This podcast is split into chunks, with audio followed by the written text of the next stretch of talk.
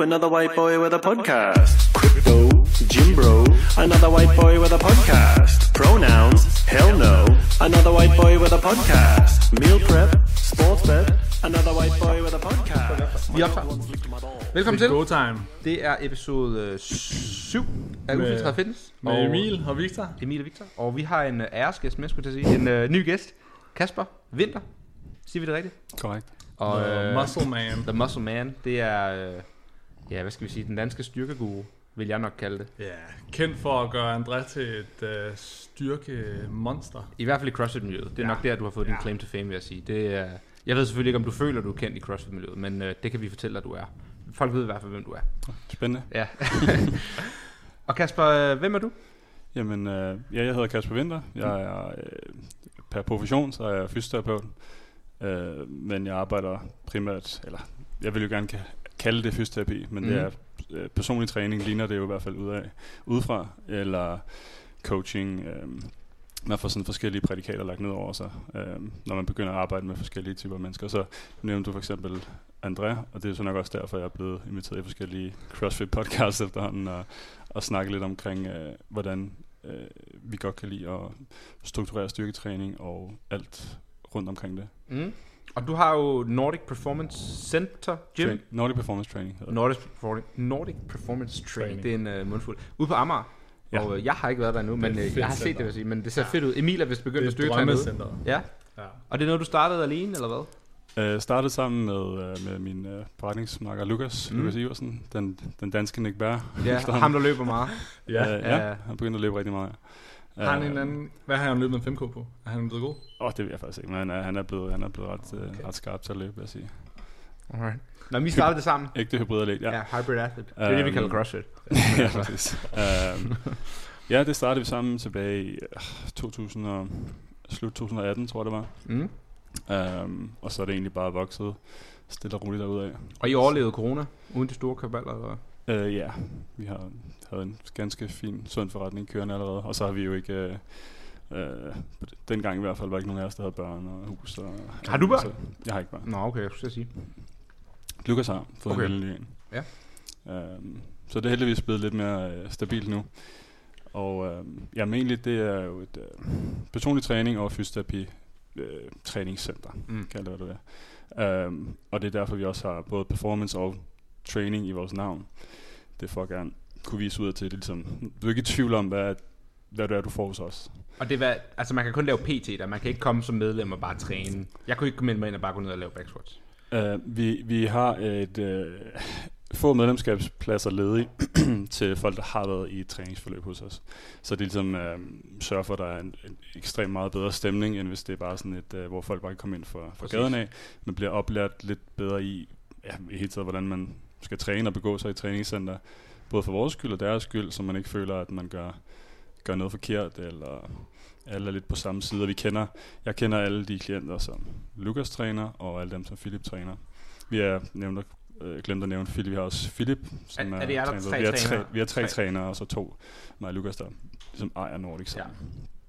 Ja. Um, så det giver sådan en rigtig god øh, dynamik, kan man sige derude. Ja, og hvad, du, du er uddannet fys. Uddannet fysioterapeut, ja. Mm. Og øh, hvordan vil du sige, du kører lidt måske anderledes fysioterapi end, Øh, end den almene fys, eller hvordan? Ja, man kan sige, jeg startede jo øh, ligesom mange andre med at arbejde på en, en helt normal øh, privat fysioterapiklinik øh, inden for sygesikringen. Mm. Og var du lige så jack dengang, eller hvordan? Øh, jeg var øh, jeg var nok meget, en del større dengang, tror jeg. Når du har været større. Altså dem, der lytter med, så øh, tror vi, det er nok dobbelt så store arme som mig og Emil, vil jeg sige. Var du 100 kilo? 110. Det er en big boy, vi har med at gøre. Og du er også, hvor høj er du? Altså næsten 2? 1,85? 1,89 tror jeg. Ja, det er en big boy, vi har med at gøre her. Det er en af dem, jeg vil være sur på på roeren, vil jeg sige. altså, men okay, du, øh, du arbejder som fys, siger du? Arbejder som fys, ja. Mm. Øh, den klassiske, hvor jeg er en hel masse patienter hver dag. Øh, 20-25 minutter sat af. Ja, sådan hurtigt ind, hurtigt ud. ja, det, Ingen tid til at gå i dybden. Nej, ikke rigtigt. Så det var ikke lige den måde, vi øh, og Lukas arbejdede på Nørrebro Fysioterapi. Samme koncept, kan man sige. Øh, rigtig mange mennesker igennem. Et system, som vi ikke rigtig havde lyst til at være en del af. Øh, så vi valgte jo bare at åbne vores eget, i stedet for at blive ved med at brokse over, hvordan tingene fungerer. Øh, og, øh, og det resulterede jo så i, at vi fandt et, øh, et sted, hvor vi kunne uh, træne folk. Mm. Hvad, havde I kapital, eller havde I investor, eller hvordan fanden fungerer det? Var det nogle rockerpenge på Amager? Eller? Nej, det var, det var opsparingen, der blev brugt på det. Det var også Øh, okay. Men vi startede ud med, hvad skal man sige, rimelig øh, øh, lave øh, vilkår for succes, vil jeg sige. Hvor der er mange andre, de tit, når de starter op, så får de netop en eller anden form for funding mm. eller en investor. Så de starter ud med alt det nyeste Technogym udstyr eller, eller laver et, et fedt center. Øh, Hvordan men- ejer I sendt lokalerne der, eller hvordan er noget I lejer? Nej, eller? desværre ikke lokalerne. Det, Okay. det, det, der, det er nok op, i så skal man op i en større liga Ja, okay. inden for, i København. men det kunne da være dejligt en dag. Men, um, men nej, vi, uh, vi, uh, vi leger uh, lokalerne, og vi har jo egentlig uh, faktisk udvidet, jeg tror, fire gange efterhånden, i takt med, at vi er blevet større, og folk har hoppet fra i tilstødende lokaler osv. Så, videre. så det er sådan, Altså, det er ved at blive ret stort efterhånden, eller hvad? Jeg har nemlig ikke været der jo, så... jeg synes, det er en passende størrelse for det, vi laver. Uh, kunne altid godt tænke sig mere, bare fordi jeg er rigtig glad for udstyr. Ja, ja. Øhm, så jeg kunne altid godt bruge mere plads og gulvplads. forstå. men ellers, så jeg synes, nu vil ikke, det er lidt forskelligt, når folk kommer derned. Nogle de siger, at det virker større end på Instagram, og nogle synes, det virker mindre. Altså, jeg synes, jeg synes, der er god størrelse. Det er jo ikke, man skal ikke forvente at komme ind og lave crossfit. Det er ikke ligesom nede i Butchers. Nej. Hvis men, man der er sådan rimelig højt, sådan okay højt til loftet, og vi har store, flotte øh, vinduespartier og masser af lys, og sådan en gammel bygning, Ja. vi har sat i stand. Og så nu ved jeg ikke lige, hvor det var, jeg kom fra, men altså... Øh, Vi snakkede om, øh, I var fyser, og I var lidt trætte af, at det var de her 25 minutter til Øh, øh, ja. og måske ikke den rigtige måde at gøre det på. Så Og, jeg eget. Jeg plejer egentlig tit at sige, at jeg ikke rigtig har nogen øh, øh, niche øh, i forhold til, hvad jeg arbejder med. Men nichen kunne måske godt være det, at vi er fysioterapeuter, som ikke tilbyder behandling på en brix, for eksempel. Mm. Øhm, Altså, du så- tænker manuel behandling til dem, der lytter med. Altså sådan massage, eller ja. altså, ligesom en kiropraktor vil måske knække, eller hvad mener du med briksbehandling? det som de fleste desværre, synes jeg, ser som traditionel behandling. Uh, ikke, ikke desværre, der skal selvfølgelig være plads til alle typer, og, og, og det kan sagtens have sin plads. Det er bare ikke det, vi er gode til. Uh, så derfor skal både miljøet og vores navn og alle de forskellige ting, som afspejler, at det er det, du forventer at få, når du kommer ned. For der kan hurtigt være sådan en uh, miskommunikation fra starten af, hvis du kommer ned og tænker, at jeg skal have fysioterapi, men op i øh, di- din virkelighed er, at du skal have et eller andet andet, end det vi tilbyder, for eksempel. Så det, det giver sådan en god... Øh, ligesom at øh, Emil Vea for eksempel er så god til, øh, at han har sådan en niche, det er konkurrence crossfitter. Så der er ikke nogen, der er i tvivl om, hvad det er. Mm.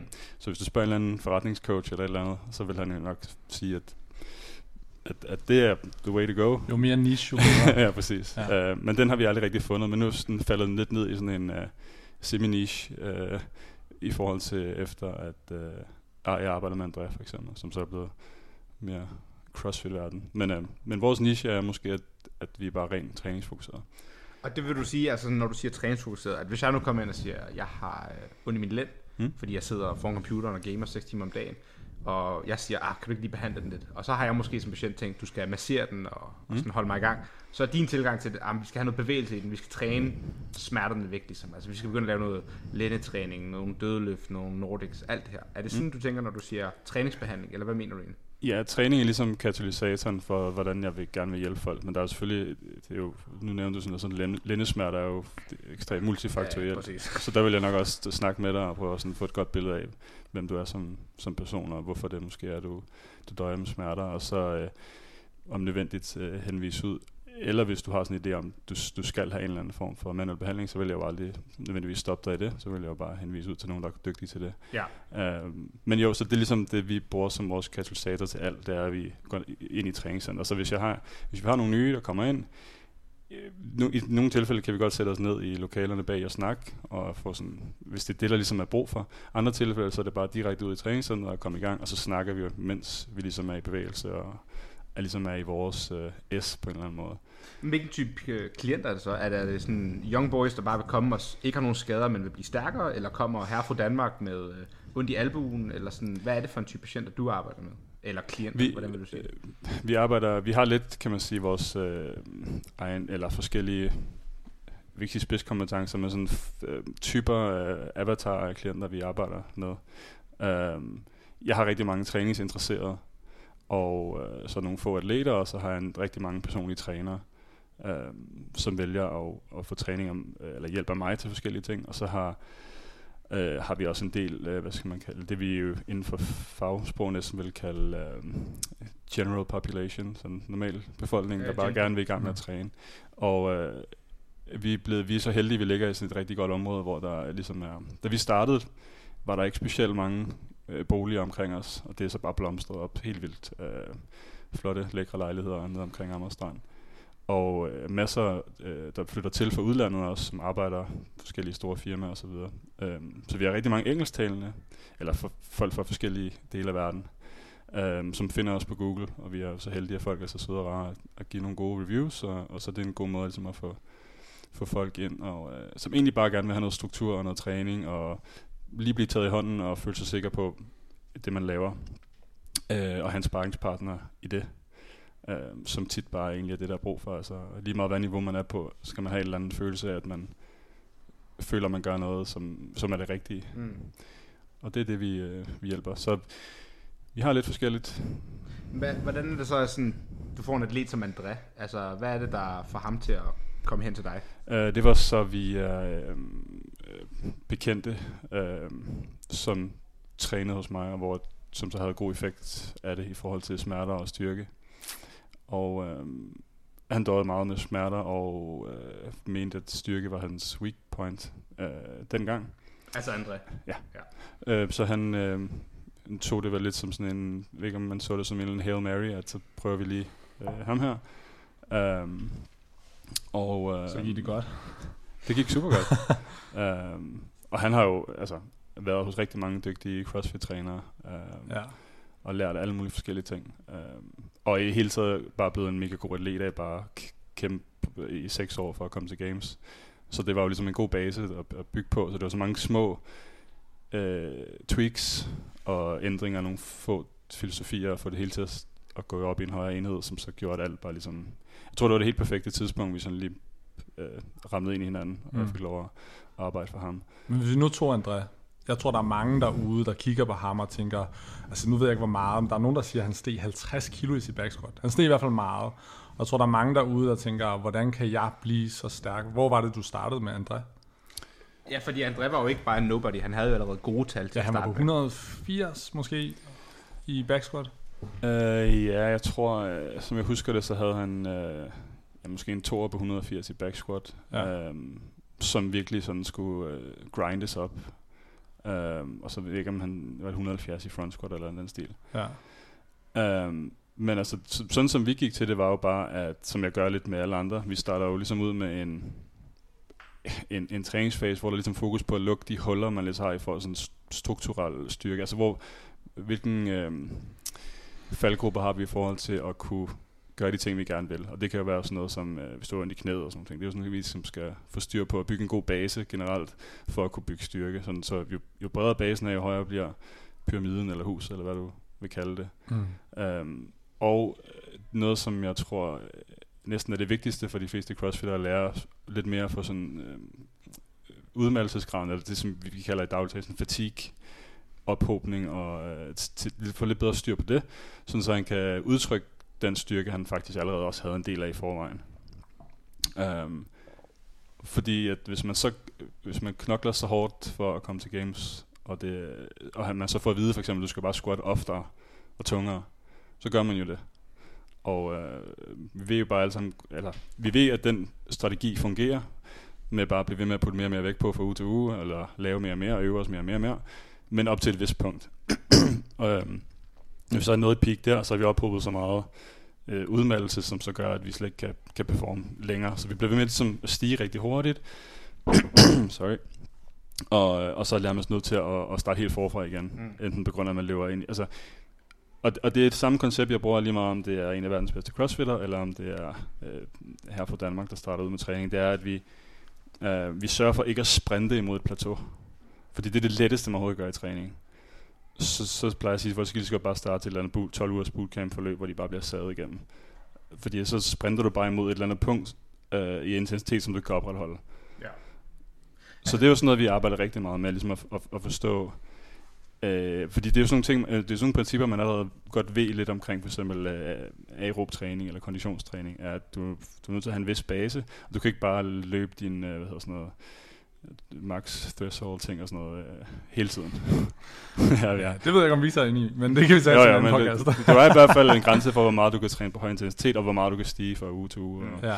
og måned til måned osv. Så, videre. så det er sådan helt simple øh, ting, vi gik øh, havde fokus på der, og så rigtig meget i øh, Andreas tilfælde, Men- øh, fokus på sådan en udførelse af forskellige øvelser, og ændre lidt på, hvilke øvelser vi valgte, sådan så at der ikke bare blev ved med at ophobe sig øh, sådan noget som irriterende ja, og skader, eller irritation, kan man sige. Men hvis du går lidt i detaljer med det, for du siger sådan, der var den Hvordan her... man forfra, for eksempel? Ja, du siger, at sådan, I prøvede at håndtere fatiguen for en crossfitter.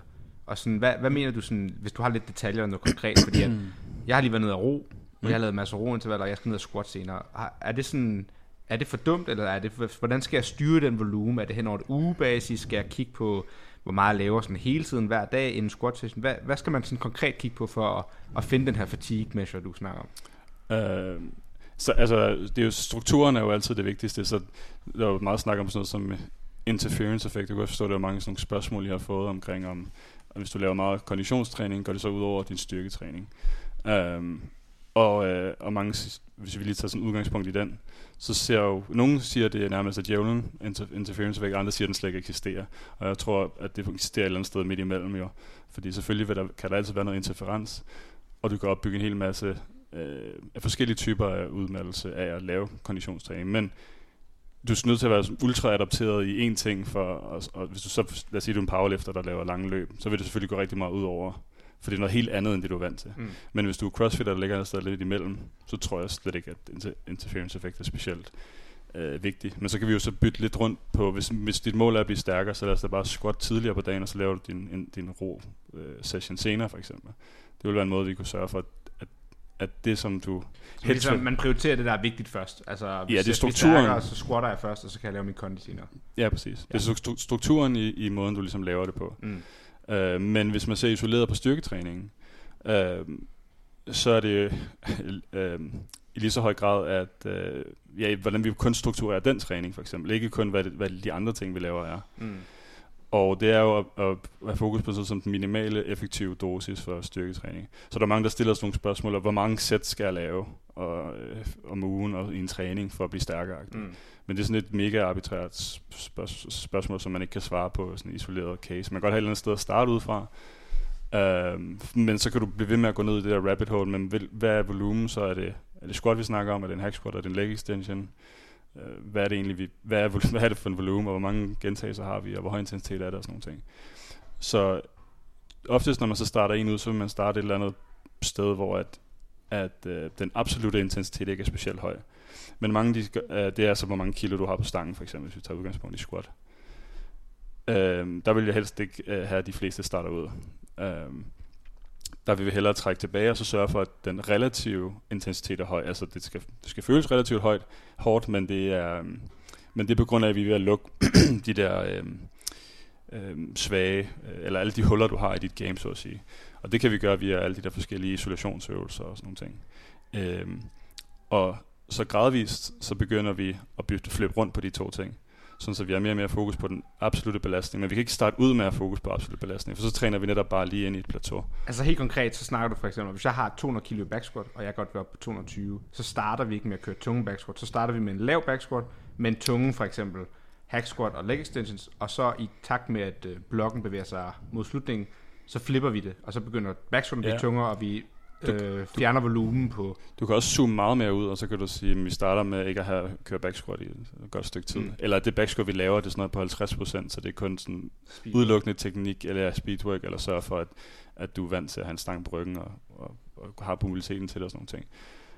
Øhm, men i, i, i Andreas tilfælde for eksempel, der var det, jeg tror havde sådan 12-16 uger uden en, en, en uh, uden back squat i programmet. Men mange de glemmer bare lidt, når man snakker om det, der er jo stadig vægtløftningssessioner. Mm. Og det er jo der, hvor det er rigtig nemt at smide sådan noget som, øh, nu her, når, øh, når du har din vægtløftning, så er det jo meget øh, koncentrisk fokuseret, hedder det. Det er meget sådan, du, du skal ikke holde igen på særlig meget vægt. Du skal bare kaste vægten op. Selvfølgelig er der noget, du skal, nogle gange du skal gribe osv., men du kan virkelig sørge for, at det, der er ikke særlig meget quote unquote, time under tension. Så det er ikke så hårdt at restituere fra. Uh, men du får lov at øve dig med en stang alligevel. Og der kan vi, nu snakker vi også med Emil og Philip her sidst om, at uh, du kan også bare lave en hel masse ener, med, som deler op som kloster, Mm. så du kan øve dig på at squatte, mens vi stadig laver vores hack squat træning for eksempel. Det er sådan en konkret måde, vi kan, hvis, hvis der er en, der er bange for at give slip på den der squat, hvis det er det deres mål at blive stærkere i squat. Men vi kan sagtens fjerne det en god lang periode. Øhm, og så lave noget, der er meget, meget mere ultraspecifikt, så vi meget nemmere kan måle, hvad, hvor meget volumen vi laver for de forskellige muskelgrupper, for eksempel. Men vil du sige, det, altså det her med så at fjerne volumen og intensiteten, er det vigtigste, når man ligesom kommer og skal blive stærkere?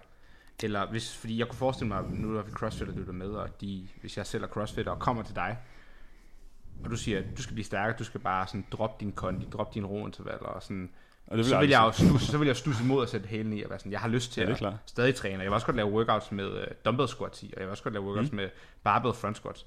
Og så er det lige pludselig super svært at justere den her totale ja. volumen, mens du prøver at gøre mig stærk hver onsdag, fredag og lørdag.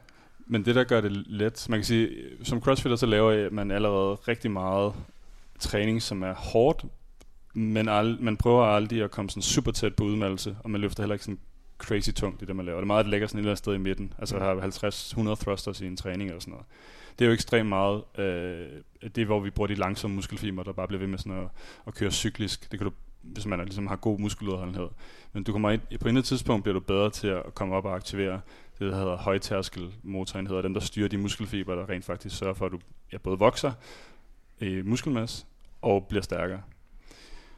Så, øh, og der, der er heldigvis, når man forstår, hvordan man skal træne både for styrke og muskelopbygning, så er der ikke brug for sådan ekstremt meget volumen for at opnå det. Altså styrke.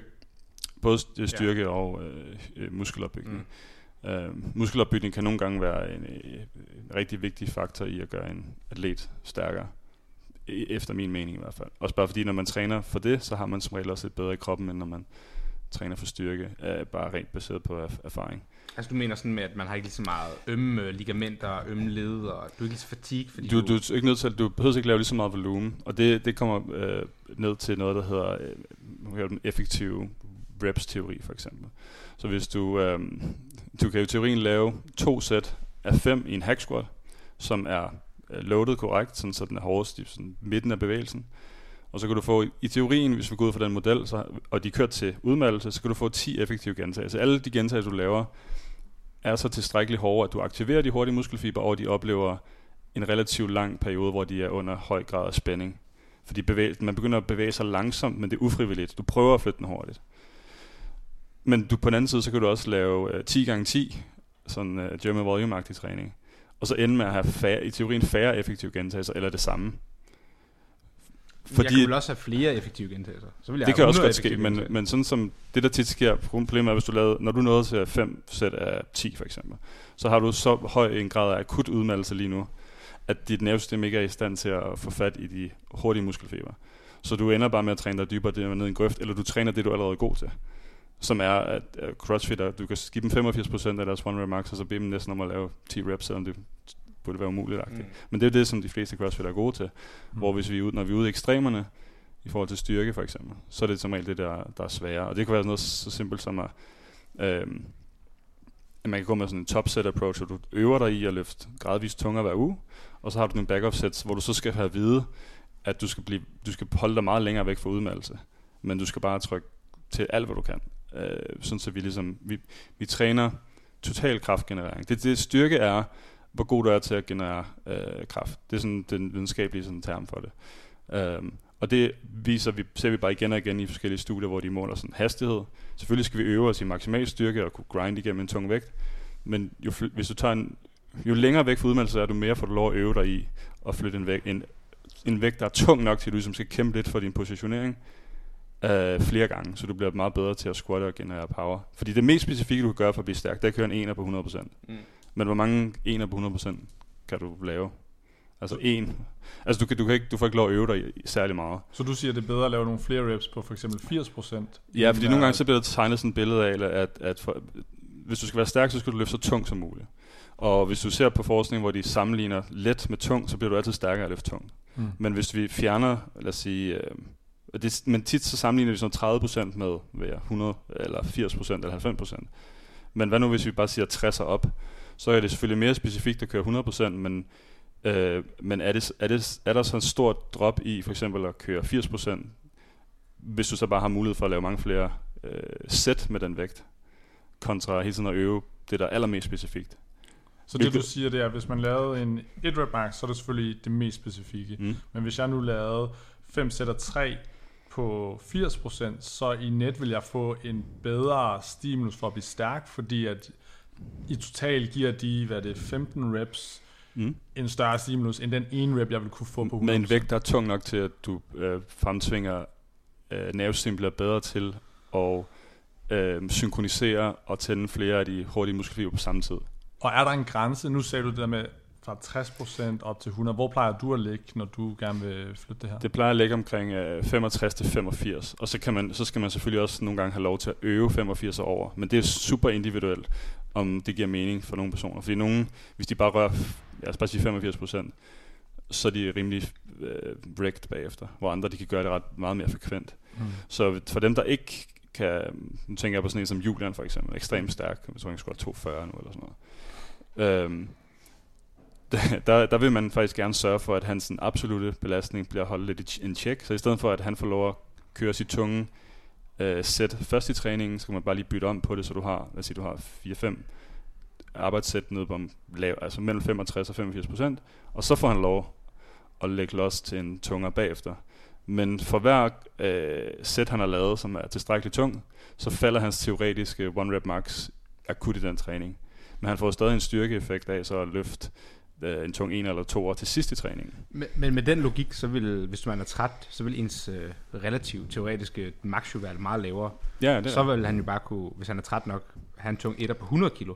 Vil han så stadig få det samme ud af det? Nej, det vil han nok ikke. Nå, men Fordi det er så, så hvordan ved man så, hvornår Men det er fordi, at, så, øh, hvis han kun kan løfte øh, 100 kilo, så er han så fatigued, at han ikke kan få fat i, i, i de høje tærskelmotorenheder, uanset. Men det du siger, det er, at hvis nu han faldt fra 240 til 220, Det er så fordi er det fatigue-kosten ved, at han squatter 240 er så stor, at der går lang tid, før han kan gøre det igen. Mm. Så derfor vil vi hellere have, at han øver sig med en lidt lavere, og så øver sig på at køre en ener på hvad, det er, 210 eller sådan noget, og så stige 2,5 kilo hver uge i den.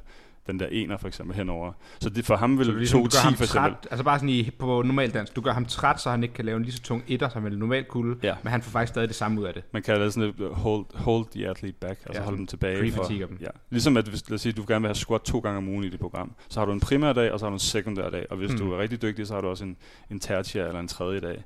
Hvor den, sek, først, den, øhm, den første dag, der er fuld fokus på, at du kan løfte så absolut tung belastning, så høj som muligt, og den skal selvfølgelig stige hen over, sige, du kører 6 ugers træningsfase. Mm. Så har du næste dag. Hvis du så prøver at gøre præcis det samme, så er du ikke tilstrækkeligt restitueret til, at, at det giver mening at gøre det, men du vil gerne øve din squat alligevel Mm. Så er vi nødt til enten at bruge en øh, øvelse, der er selvlimiterende, altså det kan være en safety squat, eller det kan være med pause i bunden, eller det kan være et eller andet, der gør, at du kan bruge lige så meget. Ja, Ja. det begrænser, meget Mm. vægt du kan bruge. Og så på den sidste tredje dag kunne det også noget, du, du nævnte med speedwork for eksempel. Men det så begynder vi at være lidt mere avanceret. Men det tænker jeg, det er det vigtige at få afklaret, fordi som jeg forstår det, det du siger, det er styrketræningen, hvis nu tror Julian, det er jo, det er jo de der sæt på 85, han laver før. Og den tunge ener, han bygger op til bagefter, selvfølgelig vil der være et styrkestimulus, men det har, handler mere om den skill, der er i forhold til at have en tungere vægt på ryggen. Og så er det også okay, at han Ja. rammer 220 i stedet for- for 240. Øh, det det, siger? ja, i det tilfælde der, hvis, hvis vi gerne vil have, at han har mulighed for at kunne, øh, kunne express en... Så man kan sige, der er forskel på, hvor stærk du er, hvor meget styrke du kan, øh, du kan fremvise, eller styrke du kan expresse. Du kan have din kapacitet, og så hvor meget du kan vise. Du er ikke altid den stærkeste, der vinder et powerlifting meet. Mm. Det er den, der er stærk og har taberet godt nok til. Øh, det er derfor, man har, altså, hvis folk har lidt svært ved at fange øh, det her med, hvad fatigue er, så er det jo, så hver gang du laver et eller andet i din træning, så har det en pris. Altså sige, du har en, en to timers træningssession. Du er mindre træt i starten, eller udmattet, end du er til sidst i træningen. Um, og det er også derfor, at hvis der er nogen, der skal til konkurrence, så træner man dem ligesom op, og så efter et stykke tid, så fjerner man ret meget volumen, men man bliver ved med at øve sig i at have en tung vægt. Så på den måde, så falder al den der udmattelse, du har bygget op ved at træne op til, øh, til din konkurrence, men du er stadig lige så stærk. Forhåbentlig stærkere, når du så kommer til konkurrencen. Og, og det er også en ting, som jeg også har lagt mærke til, at med de mange af dem, jeg har hjulpet inden for CrossFit, ikke øh, held, heller kendt sådan super meget til, Mm. andet end bare sådan generelt taber i konditionstræning og sådan nogle ting. Um, så det er klart, at man ikke kan performe lige så godt, hvis man har en høj grad af, af udmattelse. Selvom at du er stærk. Men, men sådan, øhm, det er jo lidt teorien det her, du siger med, at vi skal ligesom sørge for, at fatiguen bliver vedligeholdt, eller hvad hedder sådan, holdt under kontrol, Mm. mm. hvis en crossfitter, og at vi ligesom skal prøve at, øh, at have sådan starten med at lave nogle andre øvelser end squat, og så kan vi ligesom bygge squatten op efter. Men sådan noget helt konkret, jeg kommer ind nu, jeg har dykket CrossFit i 6-7 år, jeg har været rimelig stærk, men styrken er min store begrænsning. Og nu ved jeg ikke, om du sådan har fulgt med på Instagram, eller ved, hvordan jeg er som atlet, men sådan, jeg er en okay atlet, men jeg mangler noget topstyrke. Altså, jeg har måske ligesom det samme problem, André havde for et par år siden, måske bare i højere grad. Mm. Hvad vil du så gøre ved mig? Jeg kommer ind til dig og siger, jeg træner 10 gange om ugen, jeg har kondi 5 morgener om ugen, jeg har vægtløftning 2 gange om ugen, har alt det her volumen her. Jeg vil godt op og squat øh, 210 kilo, så 10 kilo mere end min max. Ja. Og det vil jeg godt gøre inden for de her 12-24 uger. Hvordan griber du det an? Sådan helt konkret. Altså, hvor mange sæt, hvor mange reps, hvad, hvad gør vi? Hvad, hvad for, hvor meget siger du, jeg skal stoppe med at træne det andet, eller må jeg godt fortsætte? Altså, sådan, hvad, har vi en snak, hvor du bare siger, at du bliver simpelthen nødt til at tage dig sammen og, og droppe din kondi i en periode for at blive stærkere? Eller i hvert fald drosle ned, eller kan man godt få det til at sådan hænge sammen? Uh, altså, nogle gange tager vi en snak omkring, hvor meget man laver ved siden af. Hvis nu, at, at den er helt gal med styrken, så kan det være en god idé at skrue lidt ned. At sige, det er en eller anden, der altid vinder uh, gymnastics og konditionstræning, så gør det ikke noget, du bliver en lille bitte smule dårligere atlet. Mm. På den front, hvis du så kan vinde nogle point i, i styrke, så kan du altid uh, gøre op for det igen. Det er jo meget normalt, man har forskellige de faser i sin træning, hvor der er mere fokus på en ting end en anden. Mm. Så det kunne sagtens være en snak, man havde. Men ellers så vil jeg egentlig bare sætte dig i gang med et, øh, et velstruktureret træningsprogram, som vil gå igennem nogle forskellige faser, som er meget flydende på den måde, at, at det, det er ikke sådan, at det skal være 6 uger, eller 4 uger, eller 8 uger, eller 12 uger. Men vi starter, vil starte ud med et eller andet, hvor jeg kan få et billede af, nu for eksempel, nu er jeg jo øh, fysioterapeuter, vi er kendt for at teste rigtig meget. Mm. Så den måde, jeg tester på, det er bare at sætte dig i gang med sådan et struktureret, øh, velstruktureret træningsprogram, i sådan moderate øh, rep range med øvelser, der er Øh, jeg vil egentlig behandle dig lidt som en nybegynder. Øh, og bruge mere sådan noget som maskiner, fordi maskiner ser jeg på som en øh, alfa og omega. Det er sådan det, er det, vi starter med, og det er også det, vi kan finde på at slutte med, når vi er blevet endnu mere avanceret. Øhm, fordi at vi kan fokusere kun på, øhm, på den ting, som vi er ude efter. Og, og det styrke, du gerne vil have, og vi snakker om, at øh, hvad hedder det, øhm, kraftgenerering er det, det er styrke, så for at have, være så specifik som overhovedet muligt, vi snakker tit om specificitet i træning, hvor folk er sådan meget ekstreme, det skal, bare, det skal jo være sporten, man laver for, at det er specifikt. Men for mig er det specifikt, hvor meget, øh, hvor meget kraft kan vi generere i den her øvelse. Mm. Og hvor let er det for os at lave øh, progressive stigninger, eller progressive overload, som mange øh, kalder det. Og, og øh, hvad hedder det, kan vi, kan vi i den øvelse træne hårdere end, eller generere mere kraft, end du er nødt til at gøre i din øh, sport? Det er meget nemmere at gøre i sådan noget som en hack squat for eksempel. Så den vil jeg jo sikkert lige øh, gøre dig bekendt med. Og, og hvorfor er det det? Hvorfor er det nemmere? Ja, det er fordi, at det er en langt mere stabil øvelse. Der, jo, Nej, du tænker, der er ikke nogen balance ting. Jeg skal ikke øh, balancere min ryg, og jeg skal ikke... Øh, altså alle de her ting. Jeg har bare fokuseret på at trykke med benene. Ja, lige præcis. Altså forestil dig, at du skal lave et... Øh, øh, du skal øh, træne bænkpres, men du lægger med ryggen ud over bænken. Mm. Så, så har det stadig en bænkpres, der er meget, meget mere ustabil. Du kan ikke løfte lige så meget vægt. Mm. Et ekstremt eksempel, men det er egentlig det samme, der ligesom gør sig gældende. Du kan ikke skyde hoften tilbage, for eksempel. Du, kan kun, du skal kun tænke på at komme godt ned i bunden, og så bare trykke så hårdt, du overhovedet kan. Er det ikke også det element med, at for eksempel i et hack, der kan du sørge for, at det egentlig er benene, der giver ud, hvor nogle gange, så ser man folk, der backsquatter, og så er det jo ryggen, der giver sig først. Ja, eller det er den der strukturelle øh, balance øh, i, hvad er, vi har vi af weak points, som vi er nødt til at rette op på, for at du så kan lave din sport. Men det kan vi jo gøre samtidig. Ja. Det kunne være, at vi havde hack squat som din primære session om hver mandagen, og så har du spin igen om torsdagen, hvor vi så har en eller anden form for frivægt squat øvelse, mm. så du ikke kommer helt væk fra det. Men vi har fokus på det der med, hvis du skal vælge en god øvelse for, for styrke, og generelt bare for en øvelse, du kan lave for evigt, så skal den være nem at kunne lave progressive overload på. Den skal bl- kunne blive med at blive loaded til uendelighed, og du skal også kunne lave en eller anden vis form for variation, variation i den. Det kan vi med elastik og altså mm. forskellige ting. Um, fordi så er det en, den kan du bare blive ved med. At, det er så nemt for mig at måle, om du er blevet stærkere. Mm hvor en backsquat der er meget mere øh, mange andre teknik og ja, ekstremt mange, meget mere soft skills. Hvor god er du til sådan at, at squatte, altså den skill, der er at squat. Og det skal man selvfølgelig også kunne. Mm.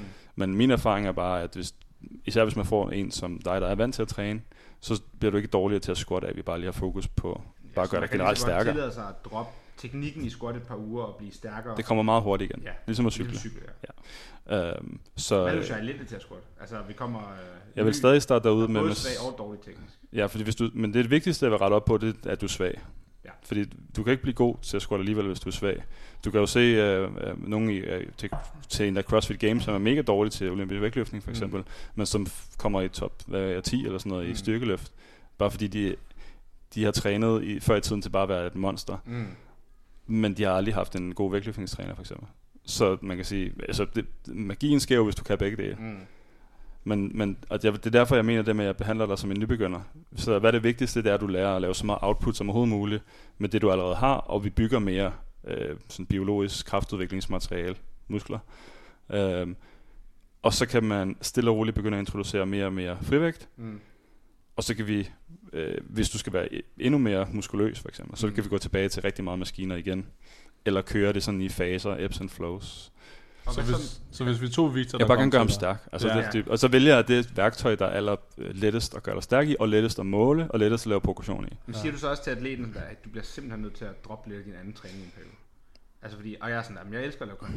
Nej, det vil, det vil jeg nok ikke. Vil du sige, at du skal lade være med at løbe om tirsdagen, eller er det okay? Og gøre det oveni, selvom jeg skal lave hack squat som efter Det er he- helt fint. Altså der, hvor det kan være et problem, det er, hvis man begynder at lave noget helt nyt nogle gange. Mm. Men det der nogle gange er, at det er jo ikke det der nogle gange så, øh, så, så nu fik du også nogle, øh, jeg så lige hurtigt, havde fået nogle øh, fancy spørgsmål i forhold til sådan nogle øh, forskellige øh, s- ja, øh, signal pathways i forhold til om, øh, om vi er muskelopbyggende, øh, om vi er, hvad hedder det, anabolske eller katabolske øh, stadie vi er i. Og øh, det, er ikke så meget, det er ikke så meget det, der kan, kan være problemet. Det er, hvis du for eksempel løber, så kan det opbygge ret meget sådan, øh, øh, øh, calciumion-fatig i din muskulatur. Så jo flere kontraktioner du laver, der er bare sådan nogenlunde tilpas hårde. Folk de kender godt, hvis de, øh, hvis de løber en tur, de kan løbe i lang tid, så kan man godt blive ret øm af det. Mm. Og det er jo fordi, det er jo stadig en uh, stimulus, der skal restaureres til stræk ret meget fra. Og jo mere, forskning viser igen og igen, at jo mere volumen du laver på en lav vægt, jo mere øh, udmattelses, jo større udmattelsesgrad har du. Mm. Så den bedste måde at sørge for, at du er mindre udmattet, er at lave mindre, som er hårdere, så at sige. Det er ligesom kvalitet i sættene. Altså sådan, Øh, det er ja, præcis. kvalitetssæt end volumen. Det kan, ja, hvis, øh, for muskelopbygning, så det siger alle, at det er lige meget, om du kører en rep eller 30 rep, for 50 reps, så længe du kommer til 0 riger. Mm. Det er sådan, øh, det, det er rigtigt nok, hvis man sådan set helt i isolation, men det er bare ultra øh, lav, altså pr- praktisk er det ultra øh, dårlig tilgang at køre high reps og meget low reps. Det er derfor, man øh, klassisk siger, den der moderate øh, 6-12 for eksempel, øh, Mm. giver god mening. Um, fordi så kan du slippe afsted, du, kan, du er ikke helt dernede, hvor du træner rigtig meget styrke, du er heller ikke helt der, hvor det bare er type 1 muskelfiberen, der står og bliver genbrugt igen og igen og igen, eller muskeludholdenhed. Men du når til det punkt, hvor du kan få aktiveret de hurtige muskelfibre, og de oplever ret meget spænding, og derfor så vokser du. Um, så, men, men det der egentlig bare var, det var med løb, Mm. at, øh, at det, det gør jo, at du faktisk er dårligere stillet til øh, din styrketræning, kan man sige. Mm. Så, men, men det skal jo stadig være med. Jeg vil bare lige, øh, måske, ligesom når du får en ind, øh, så nogle gange kan det være godt, en god idé, i stedet for at ændre for meget, hvis det er en dygtig atlet, og det hele spiller meget godt, men der er nogle ting, der skal, bare lige skal være bedre. Så kan du tit bare se på deres plan, og så sige, at vi skal bare lige bytte rundt på de her ting, sådan så at, øh, at det er sådan den primære session lige pludselig det her. Så det du siger, det er næsten bare... Det er bare vende Ja, løb, squat først, løb efter. Ja, og så sørge for, at du ja. laver nok løb, og ikke så meget som overhovedet muligt. Ja. Altså sådan, Og så Ja, så oven i det, oven i det, det her med volumen, at selvfølgelig er der ekstremer, hvor at nogle gange vil du sige til nogen, det her det er for meget, hvis du laver 20 timers crossfit om ugen eller et eller andet, men generelt, så kan man godt arbejde sig rundt om det. Ja, Og det er men der, man du vil starte. Men, og det der igen, hvis vi går tilbage så som en hack squat, det er så nemt at måle, om du laver for meget af det andet. Fordi hvis du bliver ved med at blive stærkere i den rep range, du nu har valgt i din første 12 ugers træning, Mm. det kan godt være, at der er nogle uger, hvor det lige døber, men, øh, men det kan være på grund af så mange andre ting. Men hvis overordnet set, du går den rigtige retning, i sådan en helt stabil øvelse, som bare loadet på præcis samme måde hver eneste gang, du bliver ved med at blive lidt stærkere i den, så ved jeg, at du bliver bedre til at generere mere power. Men hvordan Men- vurderer du, om det er for lidt eller for meget? Fordi jeg tænker, der er jo mange crossfitter derude, der tænker, Nå, men jeg er ikke blevet stærkere af at squat. Det må jo betyde, at jeg ikke squatter nok, når det Ja, måske det er kan- for meget. Så hvordan ved du, at, om det er for lidt, de squatter, eller for meget, de squatter, hvis vægten ikke flytter sig? Det er i hvert fald en stor fordel, hvis jeg sådan får lov at se, hvordan det ser ud, når de squatter. Ja. Altså, hvordan, hvilken fart de squatter med og sådan nogle ting. Men Der er også nogle gange noget så simpelt... Øh, Også bare på hacken. Øhm. Jeg tænker jo, lad os nu sige, at Victor kommer, han skal lave 5x5 på hacken, og han kan gøre det med 200 kilo til at starte med. Så stiger han, så lige pludselig så plateauer han på 230. Hvordan vurderer du, om det betyder, at han skal måske lave 6 eller 5, altså hack mere for, Ja. at, at vi rykker os, eller om han skal til at lave mm. mindre træning, fordi det faktisk er for stor en belastning, Jeg han vil gå tilbage til det allerførste, et af de første principper, vi snakker om, med, at jeg vil ikke have en plateau på noget tidspunkt. Så det er jo bare at sørge for, at vi træner tilstrækkeligt hårdt, men ikke så hårdt som overhovedet muligt. Og at vi kører det, der hedder, øh, på, på, øh, på det niveau, så vil det være at køre noget, der hedder wave loading. Sådan så vi ligesom waver op imod en, øh, noget, som vil, vil være det, der hedder en RPE 9. Altså det er ikke din 100%, men det der er opad. Mm. Når vi så har gjort det, lad os sige en 6 ugers periode, så falder bølgen ned igen, og så starter vi en lille smule tungere end det, vi gjorde, da vi startede dit første træningsfase, Mm. og så bygger vi stille og roligt op igen. Eller også så vil jeg bare sørge for at igen at give dig nogle, øhm, ligesom vi kan lave constraints i vores træning, øh, for eksempel, øh, lad os sige et eller andet, sætte et eller andet, som de knæ skal hen og ramme, for at sørge for, at det bliver gjort rigtigt. Så kan vi lave constraints i vores programmering, der hedder, øh, Victor, du må ikke øh, overskride en RPE 7, eller hvad fanden. Eller du må kun tilføje én gentagelse, hver gang du træner. Mm. Så lad os sige, at vi har sat dig på noget, der kører 3-5 gentag, øh, 3-5 gentagelser, øh, 5, øh, 5 sæt. Så øh, sidste uge, der kørte du øh, 4-4, øh, kun 4. Så næste, næste træning må du kun stige med én gentagelse. Med samme vægt. Det er jo sådan en ultra øh, tålmodig måde, hvor jeg er sikker på, at du bliver med at blive stærkere. Mm. Så findes der jo alt midt imellem. Men det er det, jeg ikke De to forstår, fordi så siger du, at du er sikker på, at jeg bliver stærkere. Men hvad nu, hvis jeg bare holder igen, og du så bare først giver mig lov til at vise min styrke på uge 6? Så lad os sige, at øh, jeg laver Ja, men 4, det vil, 4, og siger, at du øh, må lave 5, 5, 5, 6, 6. Men jeg kunne faktisk godt allerede i uge 1 lave 7, 7, 7, 7. Jamen, så har vi jeg startet, så har vi startet alt for let, jo. Okay. Øh, så, så vi er nødt til at finde en eller anden vis sted at starte. Og nogle gange så er det jo til lidt et skud i tågen. Ja, fordi jeg tænker jo, hvis du, jeg kommer ind hos dig, og jeg har en god styrke og rimelig god teknik, men jeg måske er dårlig på selve hack squatten rent teknisk, og rammer en dårlig hack squat, så bliver jeg jo naturligt bedre i takt med tiden går, uden jeg måske Ja. bliver stærkere. Og hvordan ser du så, at min vægt på hacken går op? Men det er måske bare, fordi jeg har lært at bruge hack squat maskinen. Prøv at forestille dig, hvis vi kører en træningsfase, hvor du skal køre 10 gentagelser først, som er for muskelopbygning. Mm.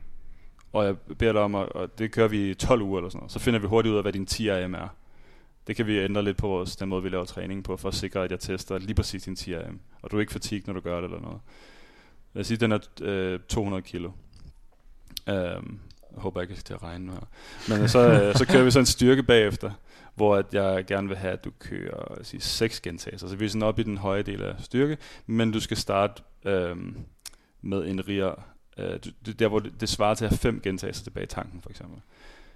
Hvis vi så sådan rimelig nemt, så kan vi rimelig nemt regne os frem til, hvilken vægt du i teorien burde starte med. Mm. Så det skulle være en lille smule lavere end din 10 RM. Så lad os bare sige 190 Mm. Eller være endnu mere konservativ og starte en lille smule lavere end det, så ved jeg, at det første sæt, du laver, burde være omkring RIA 5. Og så i løbet af, af, af, af RIA, det betyder gentagelser tilbage i tanken. Mm. Og det er, øh, det er nemt at måle, hvis du kører til udmeldelse, selvfølgelig. Og det er også relativt meget nemmere i stabile øvelser. I Det lav... kræver vel også en atlet, der kender sig selv. Fordi at, Jamen, det har jeg lært ham i min- den første fase. Okay. fordi at, Og igen, øh, hvis du laver gentagelser, du kører, og det viste øh, den nye forskning, der kom ud også, jo nemmere er det at, at måle riger, eller bare køre til øh, 0 riger. Det er jo nemt at måle, hvad 0 riger er. Mm. Men, det er, men når du er nede og kører, jo lavere gentag, jo færre gentagelser du har i et sæt, jo nemmere er det at måle, hvor mange gentagelser du havde tilbage. Det, det, det har man så testet. For. Hvis, du Mm. kører, hvis du kører 15 gentagelser, så er det meget svært for folk at vurdere, hvor mange de havde. Eller så sige, nu er det 5, jeg har tilbage. mm. Det kan man næsten ikke lade sig gøre, lige meget hvor god du er. Um, så så det, det er nemt nok, især hvis det er sådan noget som en, en stabil øvelse. Mm. Um, så der, allerede der, der vil du jo fortælle mig, så, så at, hvad vi skal starte på i den træningsblok for eksempel. Så på en måde, så sørger du for, når atleter kommer ind, når Victor kommer ind til dig, så sørger du, når du gerne vil gøre ham stærkere, at du starter så lavt, at det kun kan være et spørgsmål om, at man skal presse ham mere i forhold til at få styrke ud af ham. Du, skal, du kommer bare aldrig til at skulle trappe ham tilbage. Men Øh, så har jeg i hvert fald gjort øh, noget forkert, eller også Ja. er, hans sådan, øh, recoverability, altså restitution, det er bare helt vildt dårlig. Ja, på en eller anden måde. Altså, ja, men Ja. det, det kan Ja. jo godt ske nogle gange. Ja. Men, men øh, hvis jeg nogensinde skal... Altså, jeg kan godt hive... Der er noget, der hedder autoregulering, for Mm. eksempel i sin træning. Og det kan jo være igen, hvis du så... Øh, lad os sige, du, det, vi starter på de der 190 kilo, det går rigtig godt. I uge 4, så har du, øh, ser du et stort drop i tredje, i tredje sæt din performance. Så, så kan vi enten vælge bare at stoppe sættet der, fordi der er ikke nogen grund. Du, får ikke, du bliver ikke bedre til at synkronisere øh, din aktivering af dine muskelfibre, hvis vi fortsætter. Men vi kan også bare gå 8-10% ned, og så fortsætte for at sørge for, at den der hastigheden af sta- af stangen flytter sig tilstrækkeligt høj. Øh, så, men det er sådan nogle ting, som man ikke kan skrive ind i et program. Jo, det kan jeg godt skrive, hvis du, den bliver langsommere end et eller andet, eller føles hårdere end det her, så gå lige 10%, 10 ned på det næste. Men det er sådan noget, man er nødt til sådan at træne sammen i lang tid. Og nu nævnte du også det med at kende sin kilo. Jeg kan sagtens, nogle gange så er vi nødt til at træne med nogen i rigtig lang tid, før vi har en god idé om, hvad, hvad, hvad de lægger hen på alle mulige parametre. Og jeg er egentlig heller ikke så super datafixeret, som rigtig mange andre er, tror jeg, i forhold til tal og sådan noget. Jeg går bare ind for, at det skal være tungt nok, øh, og vi laver en lille smule progressive overload hele tiden. Og hvis man så også er en konkurrerende øh, atlet, så får man lov nogle gange at teste i konkurrencer, så overrasker man tit sig selv. Øhm, det var det, der skete med Andreas øh, front squat for eksempel i quarterfinals. Ja, clean. Øh, front squat også. Det var Fear at Max til quarterfinals ja, for et år siden. ja, 178 eller noget. Hvad skete der der? Det var bare, at øh, vi havde ikke gået op og røre de tal der. Nej. Og så Øh, går han bare op og laver, hvad, var det en Fear at Max på en 4 et på rep max på en 178. Ja, over, over one rep max, tror jeg. Sygt. Men og, og nogle, gange, nogle gange så er det også endnu mere simpelt end alt det her avancerede noget, vi sidder og Mm. snakker om nu her. Uh, jeg havde også uh, sådan Mois Fibik for eksempel forbi. Mm. Mm. Nu havde du også fået, øh, jeg så du havde et spørgsmål om, hvordan kan du se om nogen har styrkepotentiale. Mm. På ham så kan jeg se det, fordi han er, ligner en bodybuilder. Og bare hurtigt, Morris Fibik, han er en games En pumpet der kom games til atlet dig. fra Ja. Helt Ja. Men hvad var der? sød fyr. Nå, men øhm, han øh, har jo bare været vant til det der med meget datafokuseret. Øh, papir. Du får dit program, der står 5 gange 5 på 85 for eksempel, hvilket også er helt absurd, øh, for det kan ikke lade sig gøre. Øh, fordi det er din 5 RM. Ja. Så du kan ikke tage din 5 RM fem gange, medmindre du holder en times pause mellem hver sæt. Og sådan noget. Det burde ikke kunne lade sig gøre. Men, men, øh, men det jeg kunne se på sådan en som ham, det er, var jo... Øh, så når vi skal aktivere de muskelfiber, vi har, så det er altid frivillige... Øh, det er, hvad hedder det... Øhm, det er under egen, ens egen frivillige vilje, eller sådan. Det er det der selv, der vælger, hvor meget du aktiverer. Du skal selvfølgelig øve dig i det, men det er under volontær kontrol. Så hvis man aldrig har fået, altså så spurgte ham, om han trykker du til, altså når du squatter. Altså trykker du alt, hvad du kan. Han sagde sådan, jeg vil gerne være lige så stærk som André. Uh, han var forbi uh, til en træning. Uh, så, så, sagde jeg bare, så spurgte jeg ham, om han trykker til, og så var han sådan, det har jeg sgu aldrig tænkt over. Altså han er jo bare vant til, at der kommer mere load på, som så tvinger ham til at trykke til, for eksempel på et eller andet tidspunkt i træningen. Men hvis det kun er lige de sidste par reps, hvor det begynder at- at blive, der, der er sådan en, øh, opbygger sig en udmattelse i muskulaturen, og det bliver ubehageligt, så nervesystemet er nødt til at, at sige, at hvis du skal løfte den her vægt igen, så skal du, så skal du trykke, give endnu mere gas. Mm. Mm. Men hvis du fra starten af dit sæt fortæller dig selv, nu skal jeg give den gas fra det, det første gentagelse, hvor du teoretisk set er stærkest, Mm. Så er der sindssygt mange styrkegains at hente. Lige, ligegyldigt om dit, øh, hvor perfekt dit program så end er. Og det er ligesom fordi, du aktiverer flere muskelfibre, og, altså... Ja, så det er lidt ligesom, uh, vi er jo, der er jo, heldigvis så er vi jo under sådan volontær kontrol, hvordan hvis du løfter øh, øh, din kaffekop, mm. så bruger du jo ikke dine hurtige muskelfiber, for så vil du fyre koppen op i øh, loftet. Uh, så det er 100% dig selv, der styrer det. Uh, så det, det er derfor, hvis du giver, det, det er god cueing, altså at sige til folk, øh, find nogle gode analogier for et eller andet. Det kan også være, hvis, øh, hvad skal jeg sige, sige, de skal være aggressive, skubbe gulvet væk så hårdt, mm. de overhovedet kan, for eksempel. Også for den første gentagelse, som ikke kommer til at føle. Så hvis du har set nogen squat en tung femmer, så, så er den første jo altid, den burde jo ikke være lige så hård. Mm. Men hvis, nogle gange, hvis, hvis du aldrig, aldrig har fået at vide, at de skal flytte den så hurtigt, de overhovedet kan, så får de jo ikke aktiveret maksimalt. Mm. Så er det jo kun, når de når til 4. og 5. gentagelse, hvor der begynder at ophobe sig et øh, miljø i muskulaturen, som føles ubehageligt, som så sender signalet i hjernen om, at nu, nu er du nødt til at få fat i de der Mm. allerhurtigste muskelfiber. Um, og det, det kan man også bare gøre ved tankens kraft. Altså sådan ved at, at give det cue. Er det så for, at hvis du kan bevæge barbellen hurtigere. Mm. så behøver du ikke lave lige så mange reps, for du ligesom skaber energi tidligt, og du får mere stimuli ud af den samme, de samme kilo. Ja, fordi styrke, styrke er total kraftgenerering. Det er jo for mange friske muskelfiber, som på samme tid, der laver det, jeg du så gerne ikke få det samme ud af at back squat 100 kilo, bare med alt, hvor jeg tænker på at fyre så meget jeg kan, og Så længe det er over så hurtigt, jeg 65 procent, cirka 60 procent, hvis du ser i kan. Så der er et sweet spot med vægtmæssigt, der ja, skal fordi være hvis det bliver for lavt, så, øh, så skal du heller ikke, så bliver det, så, så der er sådan en, lille, en eller anden grænse omkring 50 procent, tror jeg, før det bare begynder at være sådan lidt, øh, så er det bare arbejde, du laver. Og, og det er det samme princip, du kører på maskinerne. Hvis du beder mig om at lave en leg extension, så skal jeg prøve at sådan, altså nærmest ødelægge maskinen og generere kraft eller hvad?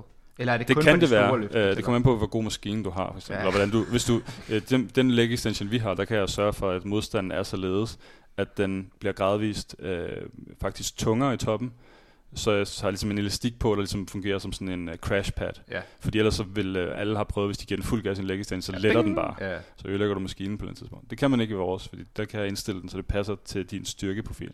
Så det kan jeg bruge som en styrkeøvelse, ja. Ja. Men tit vil vi jo bruge dem som en eller anden øh, form for at stimulere også noget øh, muskelvækst og være stærk i yderpositioner. Så der vil vi bruge en helt anden intention nogle gange i den måde, du løfter på. Og hvad så med sådan noget, øhm, nu siger du, jeg kommer ind her, det er bare, vi bruger som eksempel, og vi har sagt, du skal blive bedre til back squat, men vi stopper lige med back squat i 12 uger. Vi laver de her andre øvelser. Hvor mange øvelser er det, vi snakker? Vi snakker hack, vi snakker leg extension, baglov, og hvad har vi få? Er det mest forlov, vi har fokus på? Fokus på det? Øh, altså det Hvor jo- meget vælger vi? Så først og fremmest skal vi jo finde et split, der er pass, et træningssplit, der passer til dig. Lad os bare sige, at du skal træne fire gange om ugen styrke. Så sådan noget som overkrop og underkrop. Mm. Øh, det kunne være en måde at gøre det på. Så vil man jo have en dag, der er måske mere squat-fokuseret, en der er mere dødløft-fokuseret. Men på din dødløftdag har du også en squat senere på træningen, og omvendt på din squat-dag kan det være, at du har noget, der i hvert fald træner bagsiden af kroppen også. Så, øh, så det er bare sat op på den måde, at du... Øh, øh at der er forskellige fokus på, mere fokus på de forskellige løft, måske hver dag. Øh, og at- hvad, hvordan kan en træning se ud? Det kan have en, øh, du kan starte med en squat-variation, mm som helst ikke skal sådan supersættes med noget, hvis dit mål er at være sådan super stærk som overhovedet muligt. Så skal vi sørge for, at du er så frisk, hver gang du går ind i sættet som muligt. Alt efter, hvor, hvor god du allerede er til at aktivere de der... Det hele det handler om motorenhedsrekruttering. Mm. Um, og så efter det, så vil man så have noget arbejde, som... Um, man kalder det accessory, fordi det skal ligesom sørge for, at det hjælper dig med at kunne udføre dit store løft. Men du siger squat øh, variation. Altså du mener ikke en back squat variation. Så sætter du Bulgarian split squat eller hack squat. Øh, er det, vi, Jamen, vi det kunne sagtens være. Det, jamen, det kunne også sagtens være en back squat jo, men lad os bare sige... Også selvom vi har sagt, at jeg skal lige holde mig en pause for back squatten. Jamen, så vil vi, nej, så vil vi ikke, men så, så vil vi bruge hack squatten helst, hvis ja. Ja. vi har en god hack squat. Men nogle gange, så er det jo alt, så er det ikke en mulighed. Men så ændrer jeg, må jeg bare ændre lidt på, hvordan programmet er skruet sammen. Det betyder ofte lige et eller to sæts flere og være lidt længere væk fra udmeldelse. Mm. For, netop fordi du ikke kan køre til samme grad af øh, det, der hedder task failure. Uh, der hvor at, at du ikke laver øvelsen, som vi gerne vil længere, for eksempel. Mm.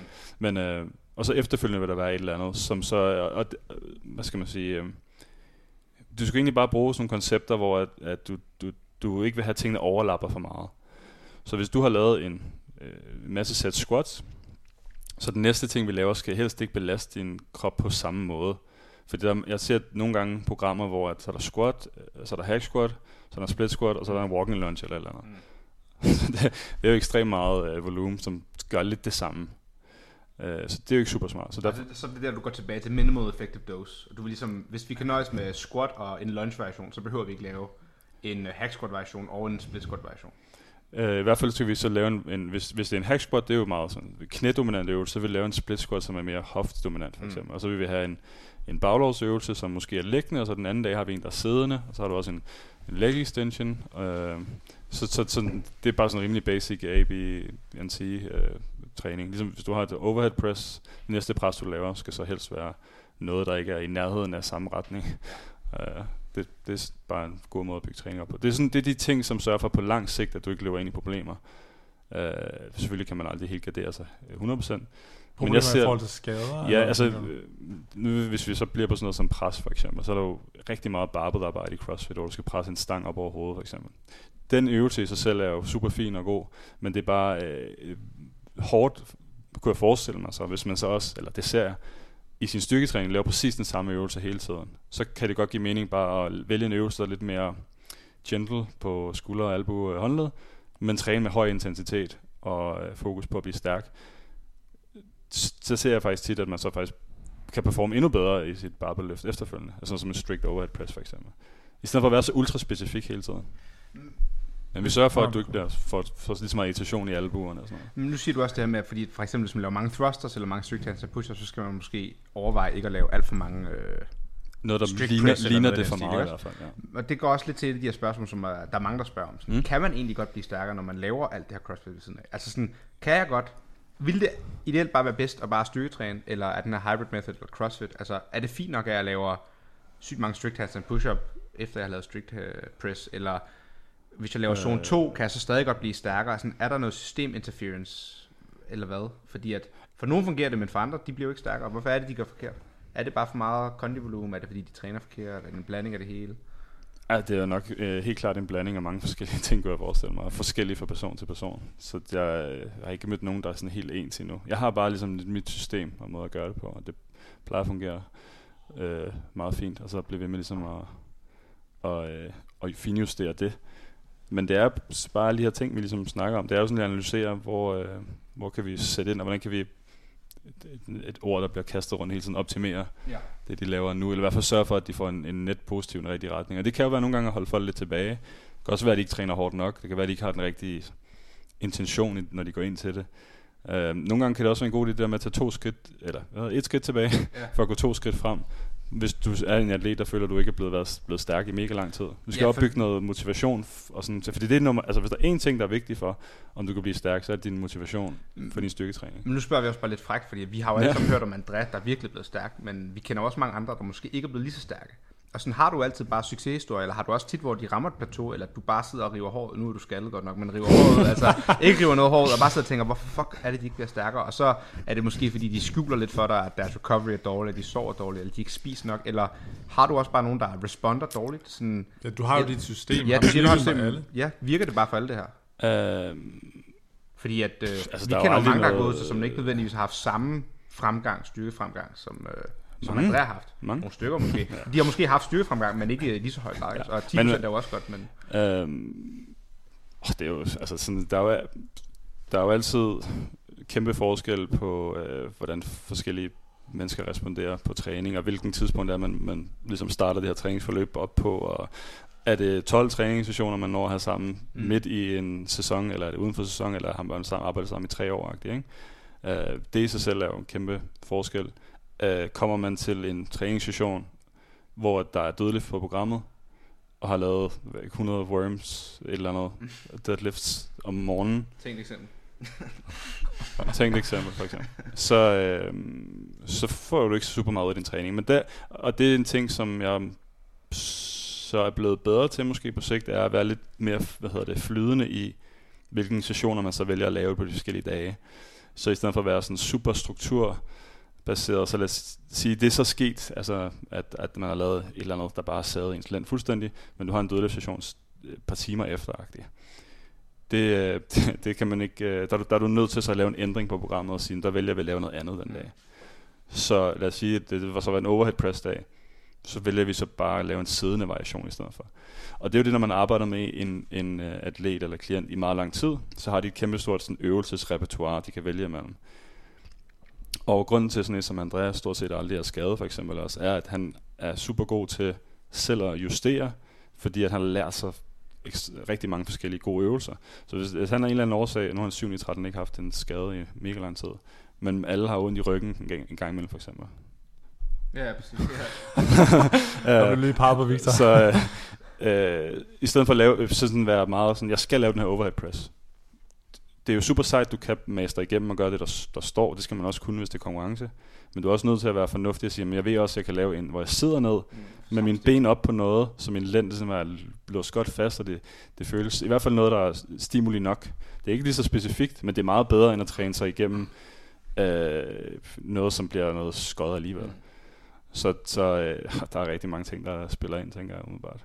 Um, men altså, n- nogle gange for mig er det også et succeskriterie, hvis nogen har haft et træ- kort træningsforløb, hvor at de så føler, at de har det meget bedre i kroppen, for eksempel. De har mindre ondt, de har... ja, de måske også lærer at styrketræne, lærer principperne og bringe som du siger, videre med i fremtiden. At når måske skal jeg have lidt mere struktur og vælge mm. mine prioriteter med at squat først på dagen og løbe senere. Ja, og sådan det er i hvert fald en feedback, jeg får rigtig tit, er... Um, Kasper Myrup, for eksempel, skal til Games. Ja, nu. tillykke til Mio forresten. Han, har, Skal han han, det? har fået, øh, han fik et backfield i morges. Åh, oh, sygt. Har du om det? Øh, Nej. Så sygt. Jeg arbejder Ej, her med dig. ude af det Ja. Og det Okay, går... to øh, games-atleter. Let's go. Ja. præcis. Så det går... Øh, Sygt. Han er ikke engang en crossfit coach, han er blevet games af mig. Men han, øh, jamen, han har jo så også trænet CrossFit i mere lang tid. Vi har Ja. ikke noget at træne sammen i super lang tid. Vi er jo gerne med sådan hans off-season træning. Um, og han har jo super meget lækkert udstyr i sit uh, flotte gym. Um, men, men, uh, men den feedback, han har noget at give mig, den øh, jeg har arbejdet sammen med ikke, to måneder eller sådan noget, er jo, at kroppen har det meget bedre. Og han føler sig faktisk, vi har ikke testet nogen ting, men det ser jeg ikke som et problem egentlig. Altså jeg vil hellere have en atlet gå ind til, en, til games for eksempel, og har det mega godt, end at de har det måske mindre godt i kroppen, men de så har øh, måske været op og teste et eller andet her, hul om hej.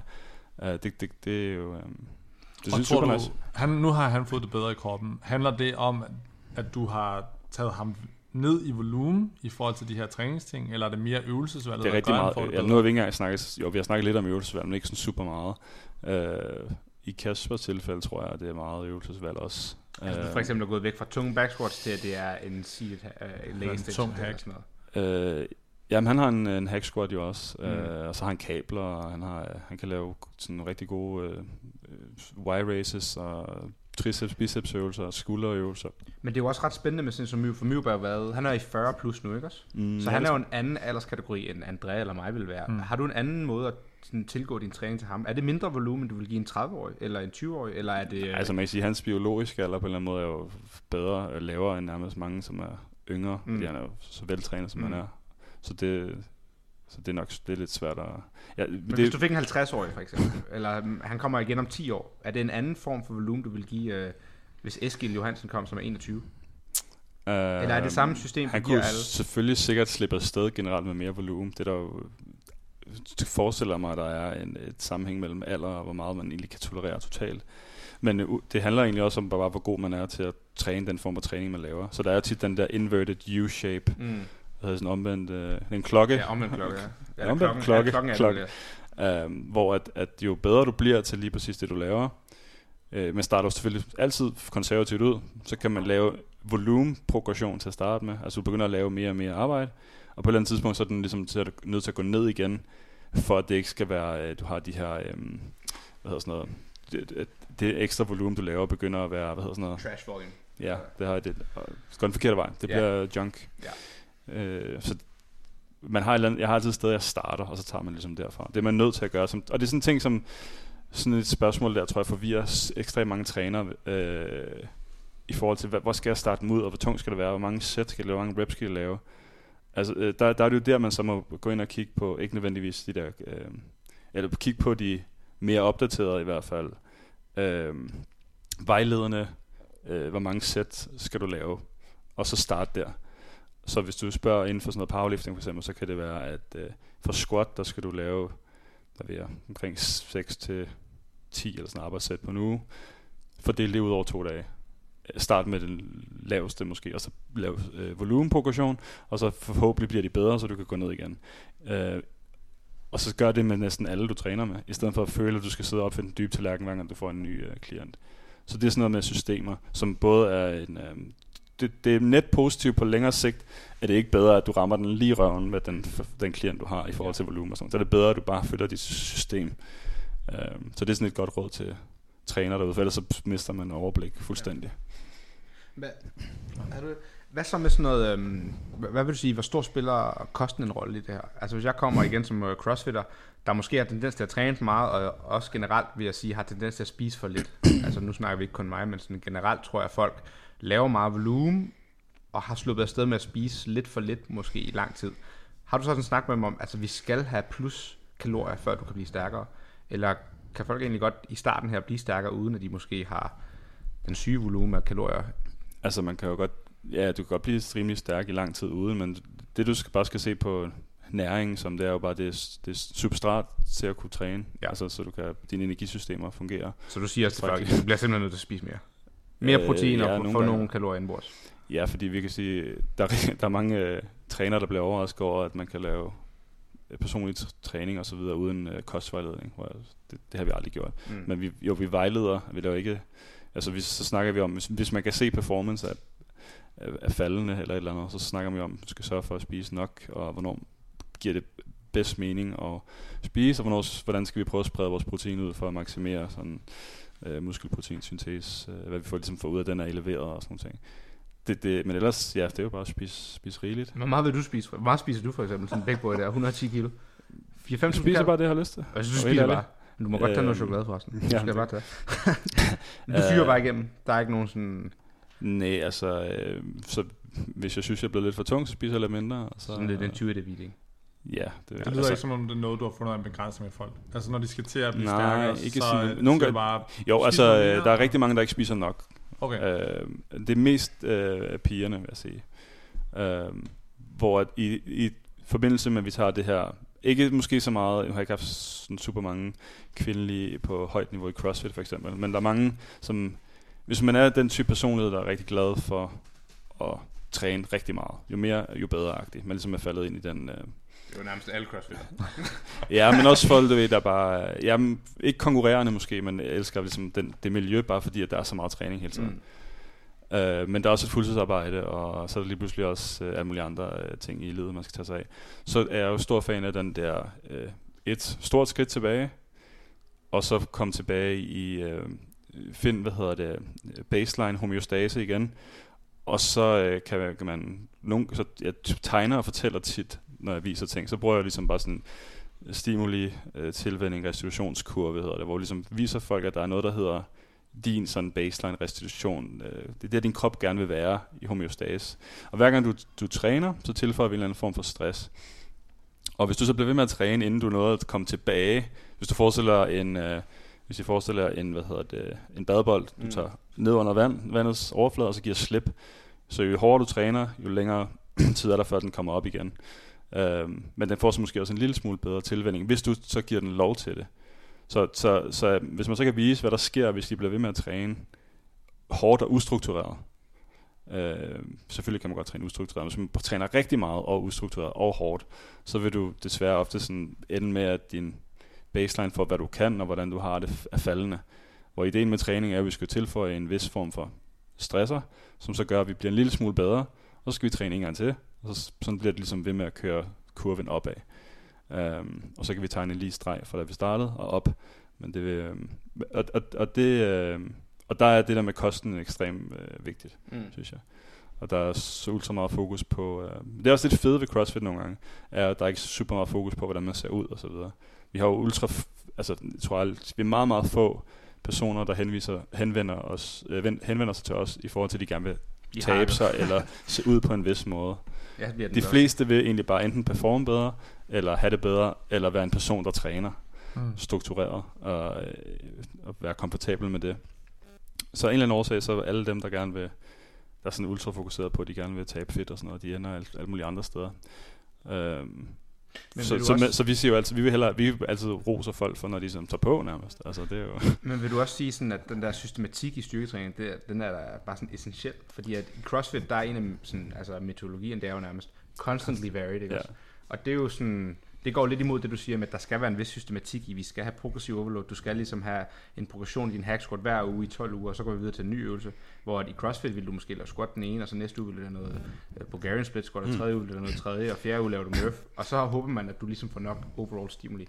Er det bare en myte om, at man kan blive stærkere, eller kapper vi Bare på, det sker. kapper vi det på et Ja, niveau, altså man kan sige, så man kan nogle gange kan man gemme sig lidt bag, at øh, i forskningen er der både det der med variation, viser, at muskelproteinsyntesen er eleveret, hvis du laver en ny øvelse hele tiden, i længere tid efter du har lavet den. Men det er ikke fordi, du får en bedre øh, tilvænning, det er bare fordi, der er mere, der skal repareres. Du laver mere, mere traume, mere sk- skade.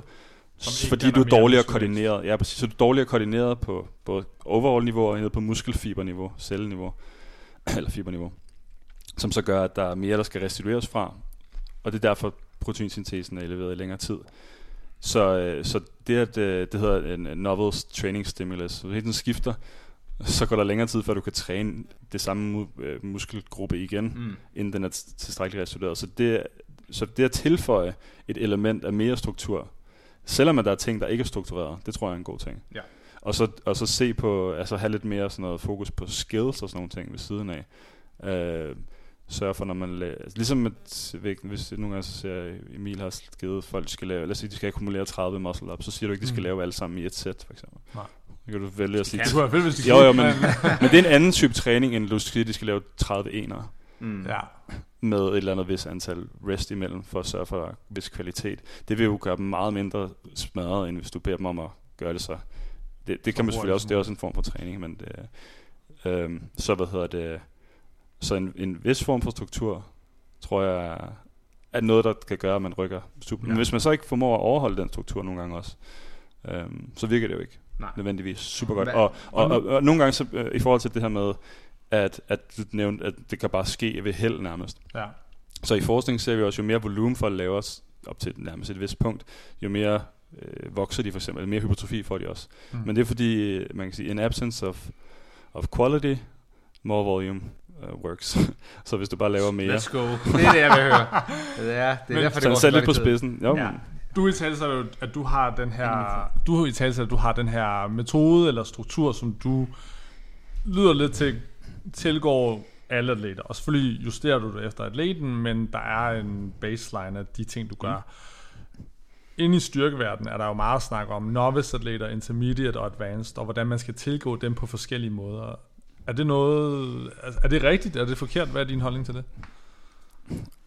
Atleter generelt, eller bare, altså, hvordan... øh, Bare, ja, lad os tage atleter, altså crossfitter. Hvis nu, altså måden man, lad, hvis nu siger, at Victor er intermediate, André er advanced, og vi har Eskil, som er novice. I forhold til, at ja, deres træningsalder, nu, nu er Victor nok også advanced, men mere det der med, at hvis vi har en crossfitter, der er helt ny, og så har vi en, der er trænet i 5 år, og så har vi en, der er trænet i 10 år. Og det vil jo så også sige, at styrkemæssigt har de jo trænet i forskellige længde tid, Mm. Går du til dem på forskellige måder, eller er det bare, eller er der noget man skal, er der noget du tænker på, er der noget du gør anderledes? Ja, og så også i forlængelse af piger og drenge. Ja. Hvis du også kan svare på det. Altså sådan, træner du piger eller drengene forskelligt? Men øh, start med Emil, måske. Øh, Så det er I forhold til træningsalder. ja. ja. Altså, der er jo inden for forskellige typer af styrketræning, så er der jo ligesom nogle par... Nogle, det var for eksempel det der med volumen, vi snakker om. Du kan som regel starter altid forsigtigt ud, men så kan du tolerere en større stigning i volumen, når du er nybegynder, Mm. bare fordi du ikke er i stand til at træne lige så hårdt. Så jo bedre du bliver, jo mere er du nødt til. Nu nævner vi uh, Julian for eksempel, som er ekstremt avanceret inden for styrkedelen af CrossFit især. Uh, han skal jo så begynde at holde lidt igen i forhold til, hvor meget han laver for eksempel. Og, og endnu endda også holdes igen for, hvor hårdt det han så uh, laver er. Um, hvorimod en, der ikke er særlig stærk, kan slippe afsted med at nærmest at lave ja, 10 gange 10 og se gode resultater.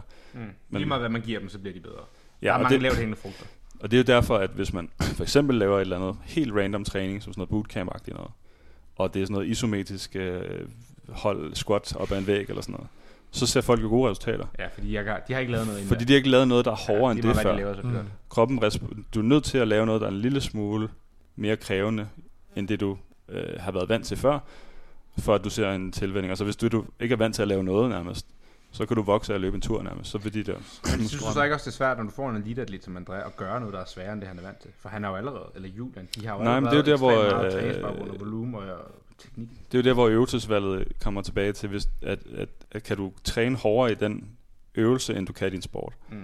Ligesom at øh, det er jo helt anerkendt, at hvis du har en, øh, øh, en atlet, en fodboldspiller eller noget, der skal være, have bedre aerob øh, base, bedre kondition, så sætter du dem på en maskine. Du spiller ikke kun deres sport, fordi du kan ligesom overloade nærmest Mm. deres konditionstræning på den. Præcis det samme kan du se, i, efter min mening, i styrketræning. Så uanset niveau træningsalder, så du gør det bare lidt sværere, end det de er vant til. Og så er det så, hvis du har en novice, så vil du måske give dem lidt mindre, end du vil give en advanced. Men systemet er det samme. Der er ingen forskel, udover måske mængden. Ikke, ikke nødvendigvis. Og så kan det også være, hvor lang tid man er i forskellige faser af træning. Så os, nogle gange så kan man dele træning op i, du ved, du har sådan en, en fase i starten, der er mere sådan restorative, mm. Mm. hedder det, eller general physical preparedness, og så bevæger du dig linært imod noget, der er hårdere og hårdere. Og øh, så kan man selvfølgelig godt øh, springe en trin over, eller være kortere tid i et eller andet. Især hvis man har med en øh, eliteatlet, som bevæger sig mega godt. For der er jo også forskel på, hvor hurtigt folk lærer ting. Mm. Hvis du har øh, øh, Gertrud og John, som ikke kan huske forskel på en squat og en dødløft, så er det jo et helt andet sted, vi starter. Så er der jo, Ja. øh, men hvis du har en, der er så dygtig, at hver gang du giver et eller andet cue, selvom du nærmest ikke engang har associeret det til dem med noget, så fanger de det bare. Øh, hvis jeg siger, tryk lidt hårdere igennem midten af bevægelsen mm. i øvelsen, og så, så sådan, at André, han gør det bare, bum. Der er sådan, bare helt professionelt atletagtigt niveau. Hvor at, at, at det, det, det, øh, det er et punkt, hvor der er, det er mere sådan en ting, der, der er mere forskel på, hvad der sker nede på mikroniveau Mm. i træningerne, end der nødvendigvis er på, præcis på, hvordan træningerne bliver programmeret. Men hvad så med drenge og piger? Har du sådan, at hvis jeg kommer ind, eller hvis øh, Astrid skulle ind? Astrid, hun er for eksempel, vi vil nok have samme træningsalder, hun er nok stærkere end mig, men Mm.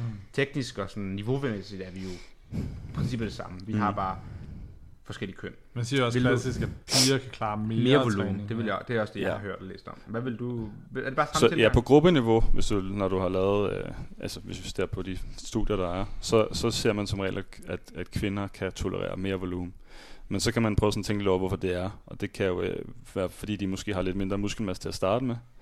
så det, det er mindre udmattende for dem at træne.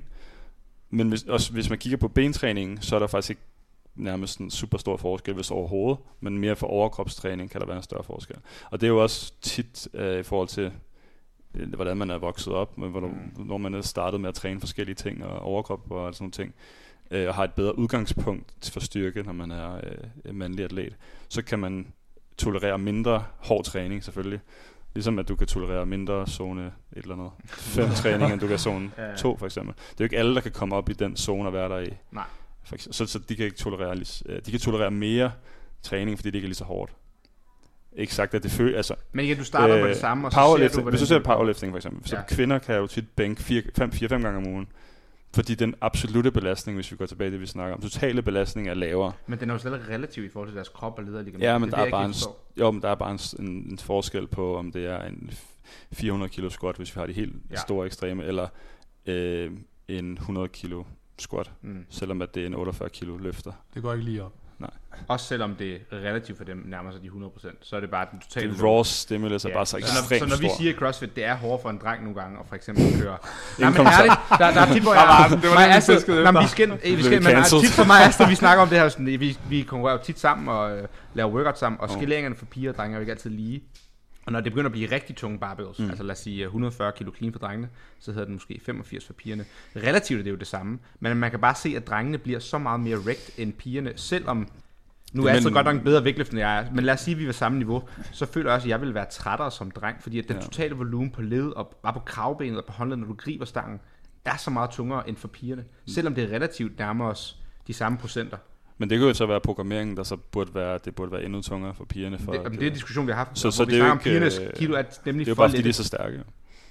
Altså sådan, de, det Nej, er ikke hårdt nok.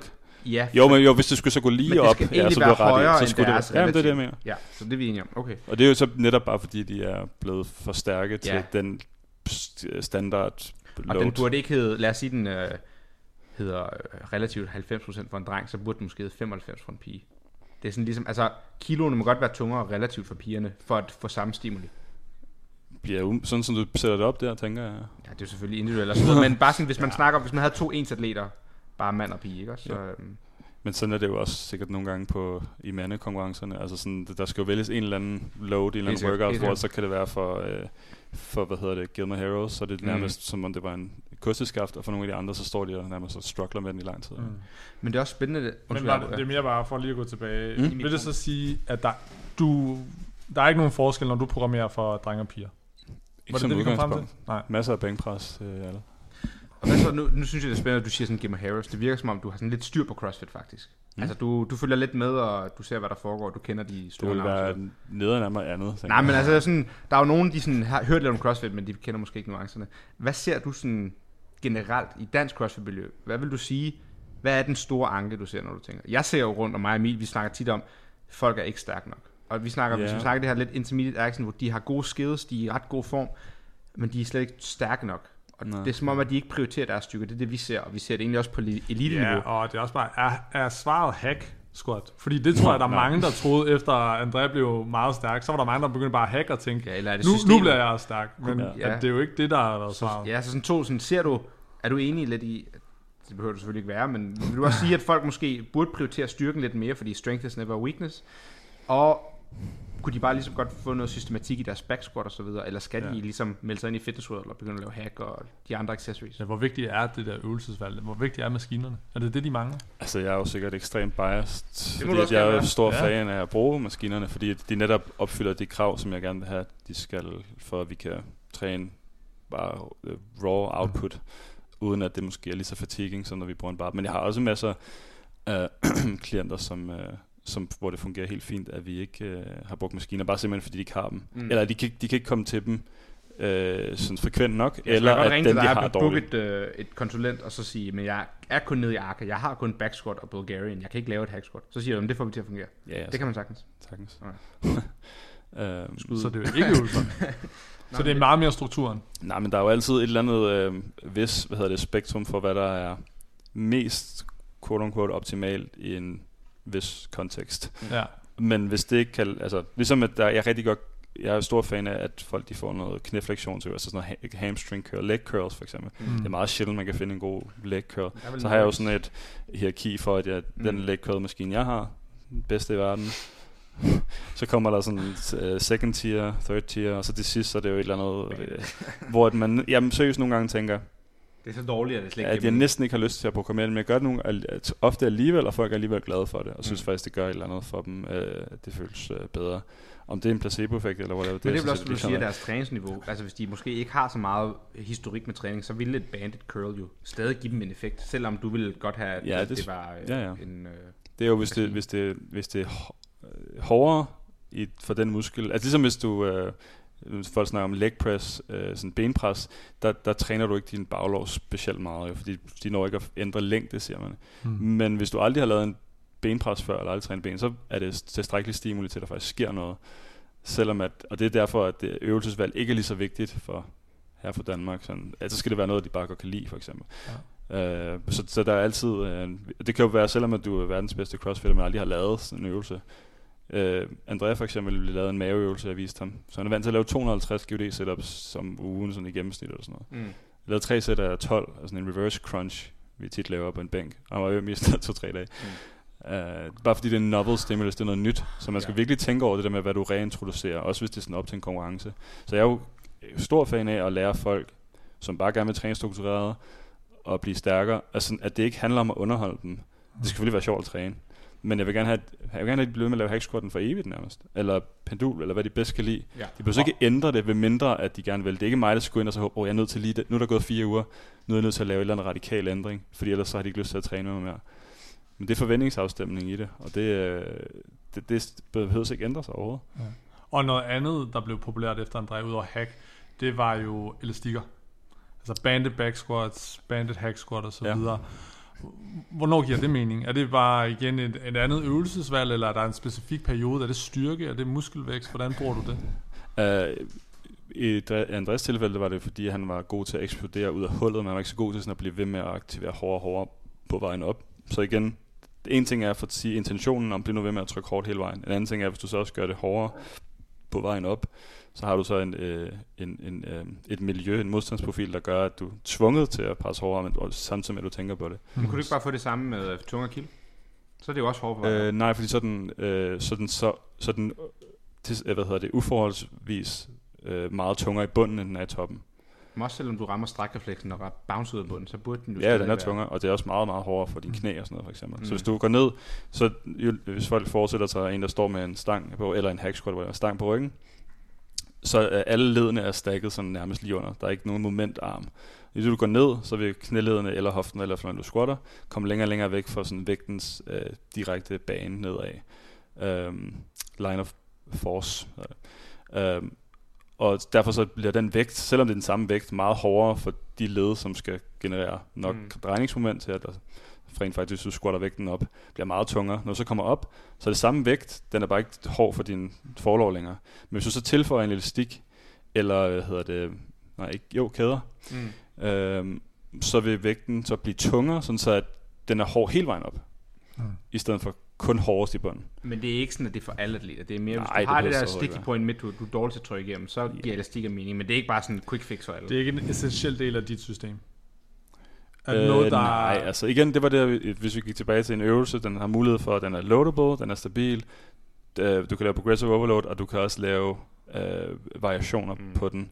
Fordi det der med, at styrke er en skill, så det, der, det har jo egentlig bare øget, i Andreas tilfælde, hans øh, skill, vocabulary, eller noget i hjernen, i forhold til at, øh, hvis man kommer noget konkret, af feedback han gav mig, så var det til øh, første games, hvor de skulle lave tunge thrusters og wall walks, så jeg. Og der følte han, at han ligesom bare tænkte hack squat med elastik på, og så trykkede han alt, hvad han kunne, sådan, så den, de der 80 kilo, tror jeg det var, bare lettet, som var det ingenting. Hvor mange af de andre, de var måske stærke, men de havde ikke den der intention om at altså, give den fart på den sidste del af bevægelsen, så det, de blev meget mere træt i skuldrene, som så gjorde deres wall walks blev dårlige, og han, finish, han fik en super god placering, ikke Mm. hvad det var, men det var rigtig, rigtig god placering i den, hvor han sådan, øh, og det samme, da de skulle løbe, og så lave tunge cleans, Så da han øh, kom øh, hvad hedder det, nærmest lige færdig med eventet, så fik jeg en besked på Instagram, hvor der stod, hack squat, let's go. Eller. så, så det er sådan, det er jo, det er jo det, det er lige så meget et, et læringstool. Uh, tool. Mm. Og det er det, du bruger det mere til. Ja, fordi det er jo netop, det, hvis du træner for at blive et beast og få nogle forskellige specifikke En skills. Det, jamen, det er sådan en tweet, jeg hørte engang. Train to become a beast. Eller sådan, I stedet for at tr- træne din sport specifikt. Ja, Ja. Uh, ligesom en fodboldspiller, du vil have til at sparke hårdere. Du ikke, så, hvis du skal finde en måde at gøre det, ikke, gøre bolden tungere eller sådan noget, måske Mm. ikke så smart, vel? Men, men et eller andet, som så overloader systemet, så er det selvfølgelig, du kan sparke endnu hårdere, når du så har det lettere, som er din sport. Um, så, så, så ja, det er, du øger ligesom bare dit, uh, Repertoire. Ja, så lige, ligesom, det, jeg tror også, det er en ting, der er med folk, der er rigtig, rigtig dygtige, sådan som vægtløftning. Hvis, selvom der går noget galt undervejs i et løft, så har de prøvet så mange forskellige ting, at de kan redde det meget lettere Ja. end, end novices. Og hvis du ser folk, der, hvis vi sådan, sådan nogle, øh, hvad hedder, sådan, hvad hedder blacksmith på øh, dansk? En uh, smed. En smed. Ja. en smed. Uh, hvis, du, med smed. hvis du ser en øh, nyuddannet, en, eller en, der ikke er ex, øh, en master i sit craft, så vil, de, så vil alle slag, de slår, være helt ens faktisk. Mm. Hvor at den, der er mest avanceret, vil have meget variation, både i hvor hårdt han slår, og hvor, hvordan hammeren bevæger sig, eller hvad man kalder det. Um, så det er et tegn på sådan mastery, at du kan være meget flydende i det, du laver. Og der er du også nødt til ikke have sådan helt novel stimulus, hvor du skifter øvelser, men du kan have noget variation i intentionen og modstandsprofiler og sådan noget. Men jeg synes også, det er spændende. Nu siger du for eksempel vægtløftere. Og jeg ved ikke, ved du, hvem Omid Alam er? Eller du har måske hørt om ham. Jeg har set ham på Instagram. Ja, han er jo en dygtig vægtløfter, og vi bruger bare ham som eksempel. Stærk. Og han er jo super Ja. stærk, og han er jo virkelig god til back squat. Han vejer vel de der 85 kilo, har han 240-50 i max back. Ja. Jeg tror måske, det er 52. 52, ja. Ja. Vil du sige, at øh, Han har ikke fået nu har vi jo set, jamen, det er det, jeg mener, og vi har jo set vægtløfter i hele verden i de sidste 50 år, der aldrig har lavet maskiner, mm. hvor deres styrke er jo ligesom back squat, og så måske en accessory eller to. Og så har de selvfølgelig deres vægtløftning, som selvfølgelig også giver en form for stimuli. Mm. Vil du også tage sådan en som Umbert? Han siger, jeg vil altså godt op på back squat 260 nu. Vil du, en der er så teknisk efficient med sin back squat, vil du også putte ham på en hack og på øh, andre øvelser i en periode, for ligesom at give mere muskelmasse? Eller er vægtløfter noget for sig? Eller har alle gavn? Altså, kan du gøre alle stærkere?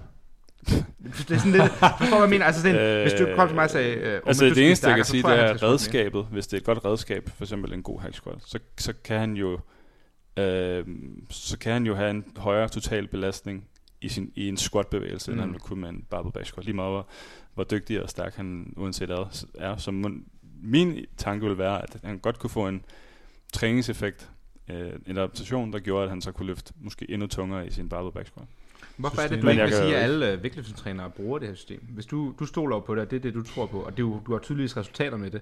Men hvis jeg går ned i IK99 og snakker med Anders Bendix, Og der er jo og jeg siger, at jeg skal blive stærkere, så siger han jo, at vi kan sagtens lave, øh, hedder det, øh, ja, men så er det jo andre, som du siger, smuldrer eller back squat progressioner, for det har de set succes med de sidste 40 år.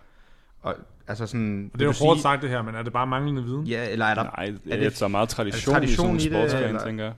Øh, eller er det bare, ting fungerer Der, forskelligt? der, jeg tror, der er tradition i det, så er der praktiske årsager også. Altså, der hvor mange øh, vægtløftningsklubber, øh, hvor har man en, sådan nogle maskiner til rådighed, for eksempel. Jamen, det vil, det de jo, det vil de jo Igo. få, hvis Igo de har en vidste, hack. Igo, Igo har en hack, for eksempel. Men, okay, øhm, en god en. Ja, den er okay. Altså, Det tør jeg ikke sige. Hvad er en god hack? der er jo sikkert noget med Men nu, nu har du prøvet den, vi har for eksempel, og så Ja. har du prøvet andre center. Og så skal du Jeg mærke tror, en vinklen forskel. på din er anderledes. Vores er en højere vinkel. Vi kan, vinkle vel- den, vi kan vinkle den, som vi Og har jeg lyst. tror, den, der er i IK, det er vel en øh, 45 grader. kan Så relativt stejl. Lige præcis. Den minder meget om den ude i Nors. Ja. Øhm, og så er den jo gammel, så sådan, du ved, den er ikke lige så smooth, kunne jeg forestille mig. Nej. Men det er bare det, det er ikke så meget sådan øh, specifikke eksempler, jeg tænker på. Jeg mener bare sådan, over en bred kamp, så vægtløfter er ekstremt stærke. Og ja. De laver jo ikke det her. Men. Øh. ville de være bedre, vil, vil du sige, hvis de ville nok være bedre, hvis de havde kørt nogle øh, systematik i, med lidt andre maskiner end kun backsquat? Eller er det fordi, de bare backsquatter fire gange om ugen, så bliver man bare fucking god? Men det man måske også ser i vægtløftning, det er, at man ser dem, hvor systemet virkede for. Hvor dit system burde jo næsten virke for alle.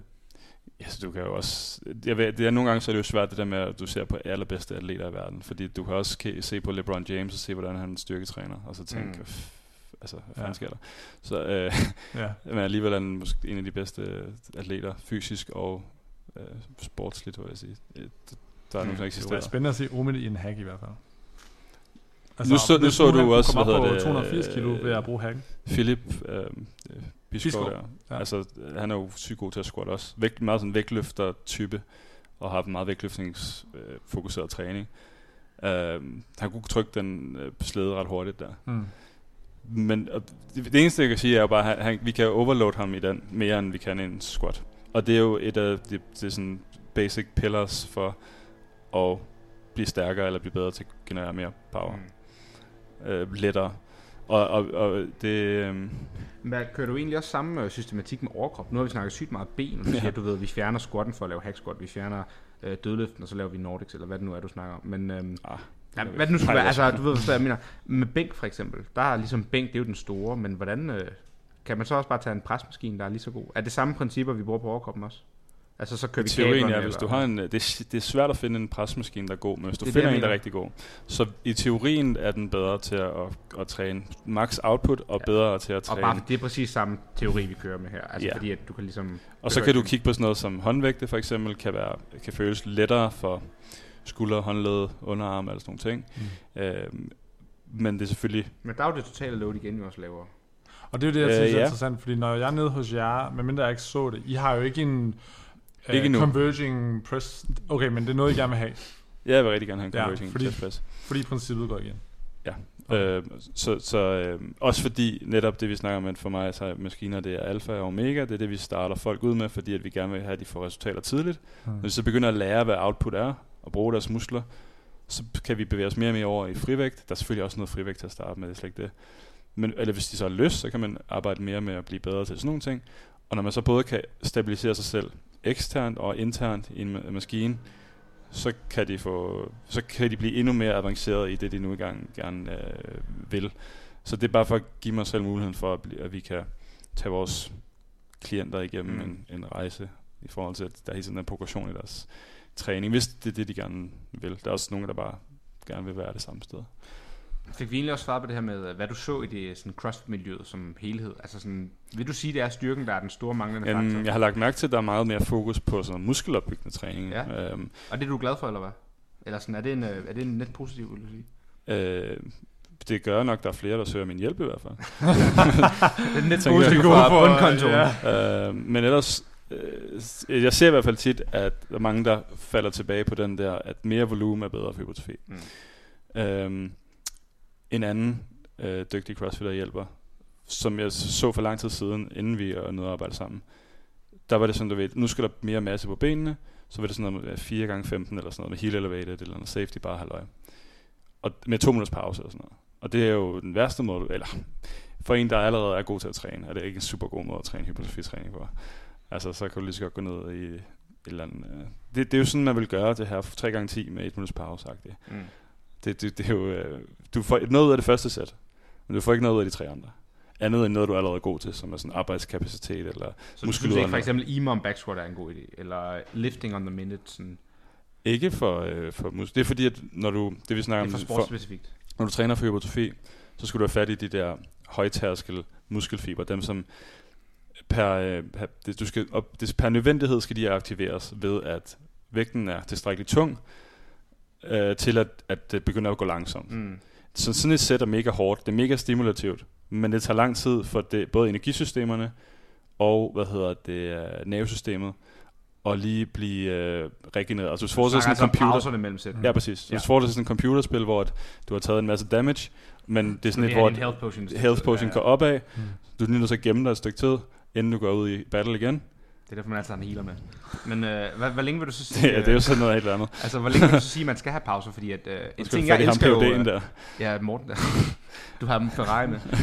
Ja. Øhm, hvis folk forstår den. Nej, men... så hvis man øhm, venter 5 minutter, og hvis, hvis du for eksempel kører to sæt af 5 til 7 eller 6 til 8 gentagelser med 5-6 minutters pause imellem, det vil være en endnu bedre tilgang. Så det er lange pauser, vi snakker, fordi det er jo en tilgang, ja. vi ser mange crossfitter. Så kan man køre i mom 9 back squat øh, waves, 1 mm. Første minut, 3 andet, 5 sidste, og så waver du den opad, ikke også? Er det for kort pause, Ja, ja, vi får noget ud af det? Altså, Altså, der er også bare den almene, der er 2-3 minutter.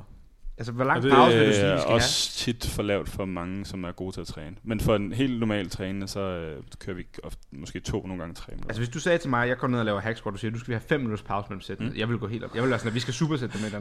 Panik. 5 minutter, det er alt, alt for langt. Jeg vil holde 5 minutter, holder jeg ikke engang mellem min kondisæt næsten, du ved. Jamen, så hvis man har en eller anden vis grad af væk, ADHD eller eller andet, som gør, at man ikke kan... jamen, det kan jo godt være, at man synes, man Ja. keder sig. Så er det ikke motiverende Ja, mere. eller bare føler sig klar. Altså, jeg vil føle mig klar efter et minut.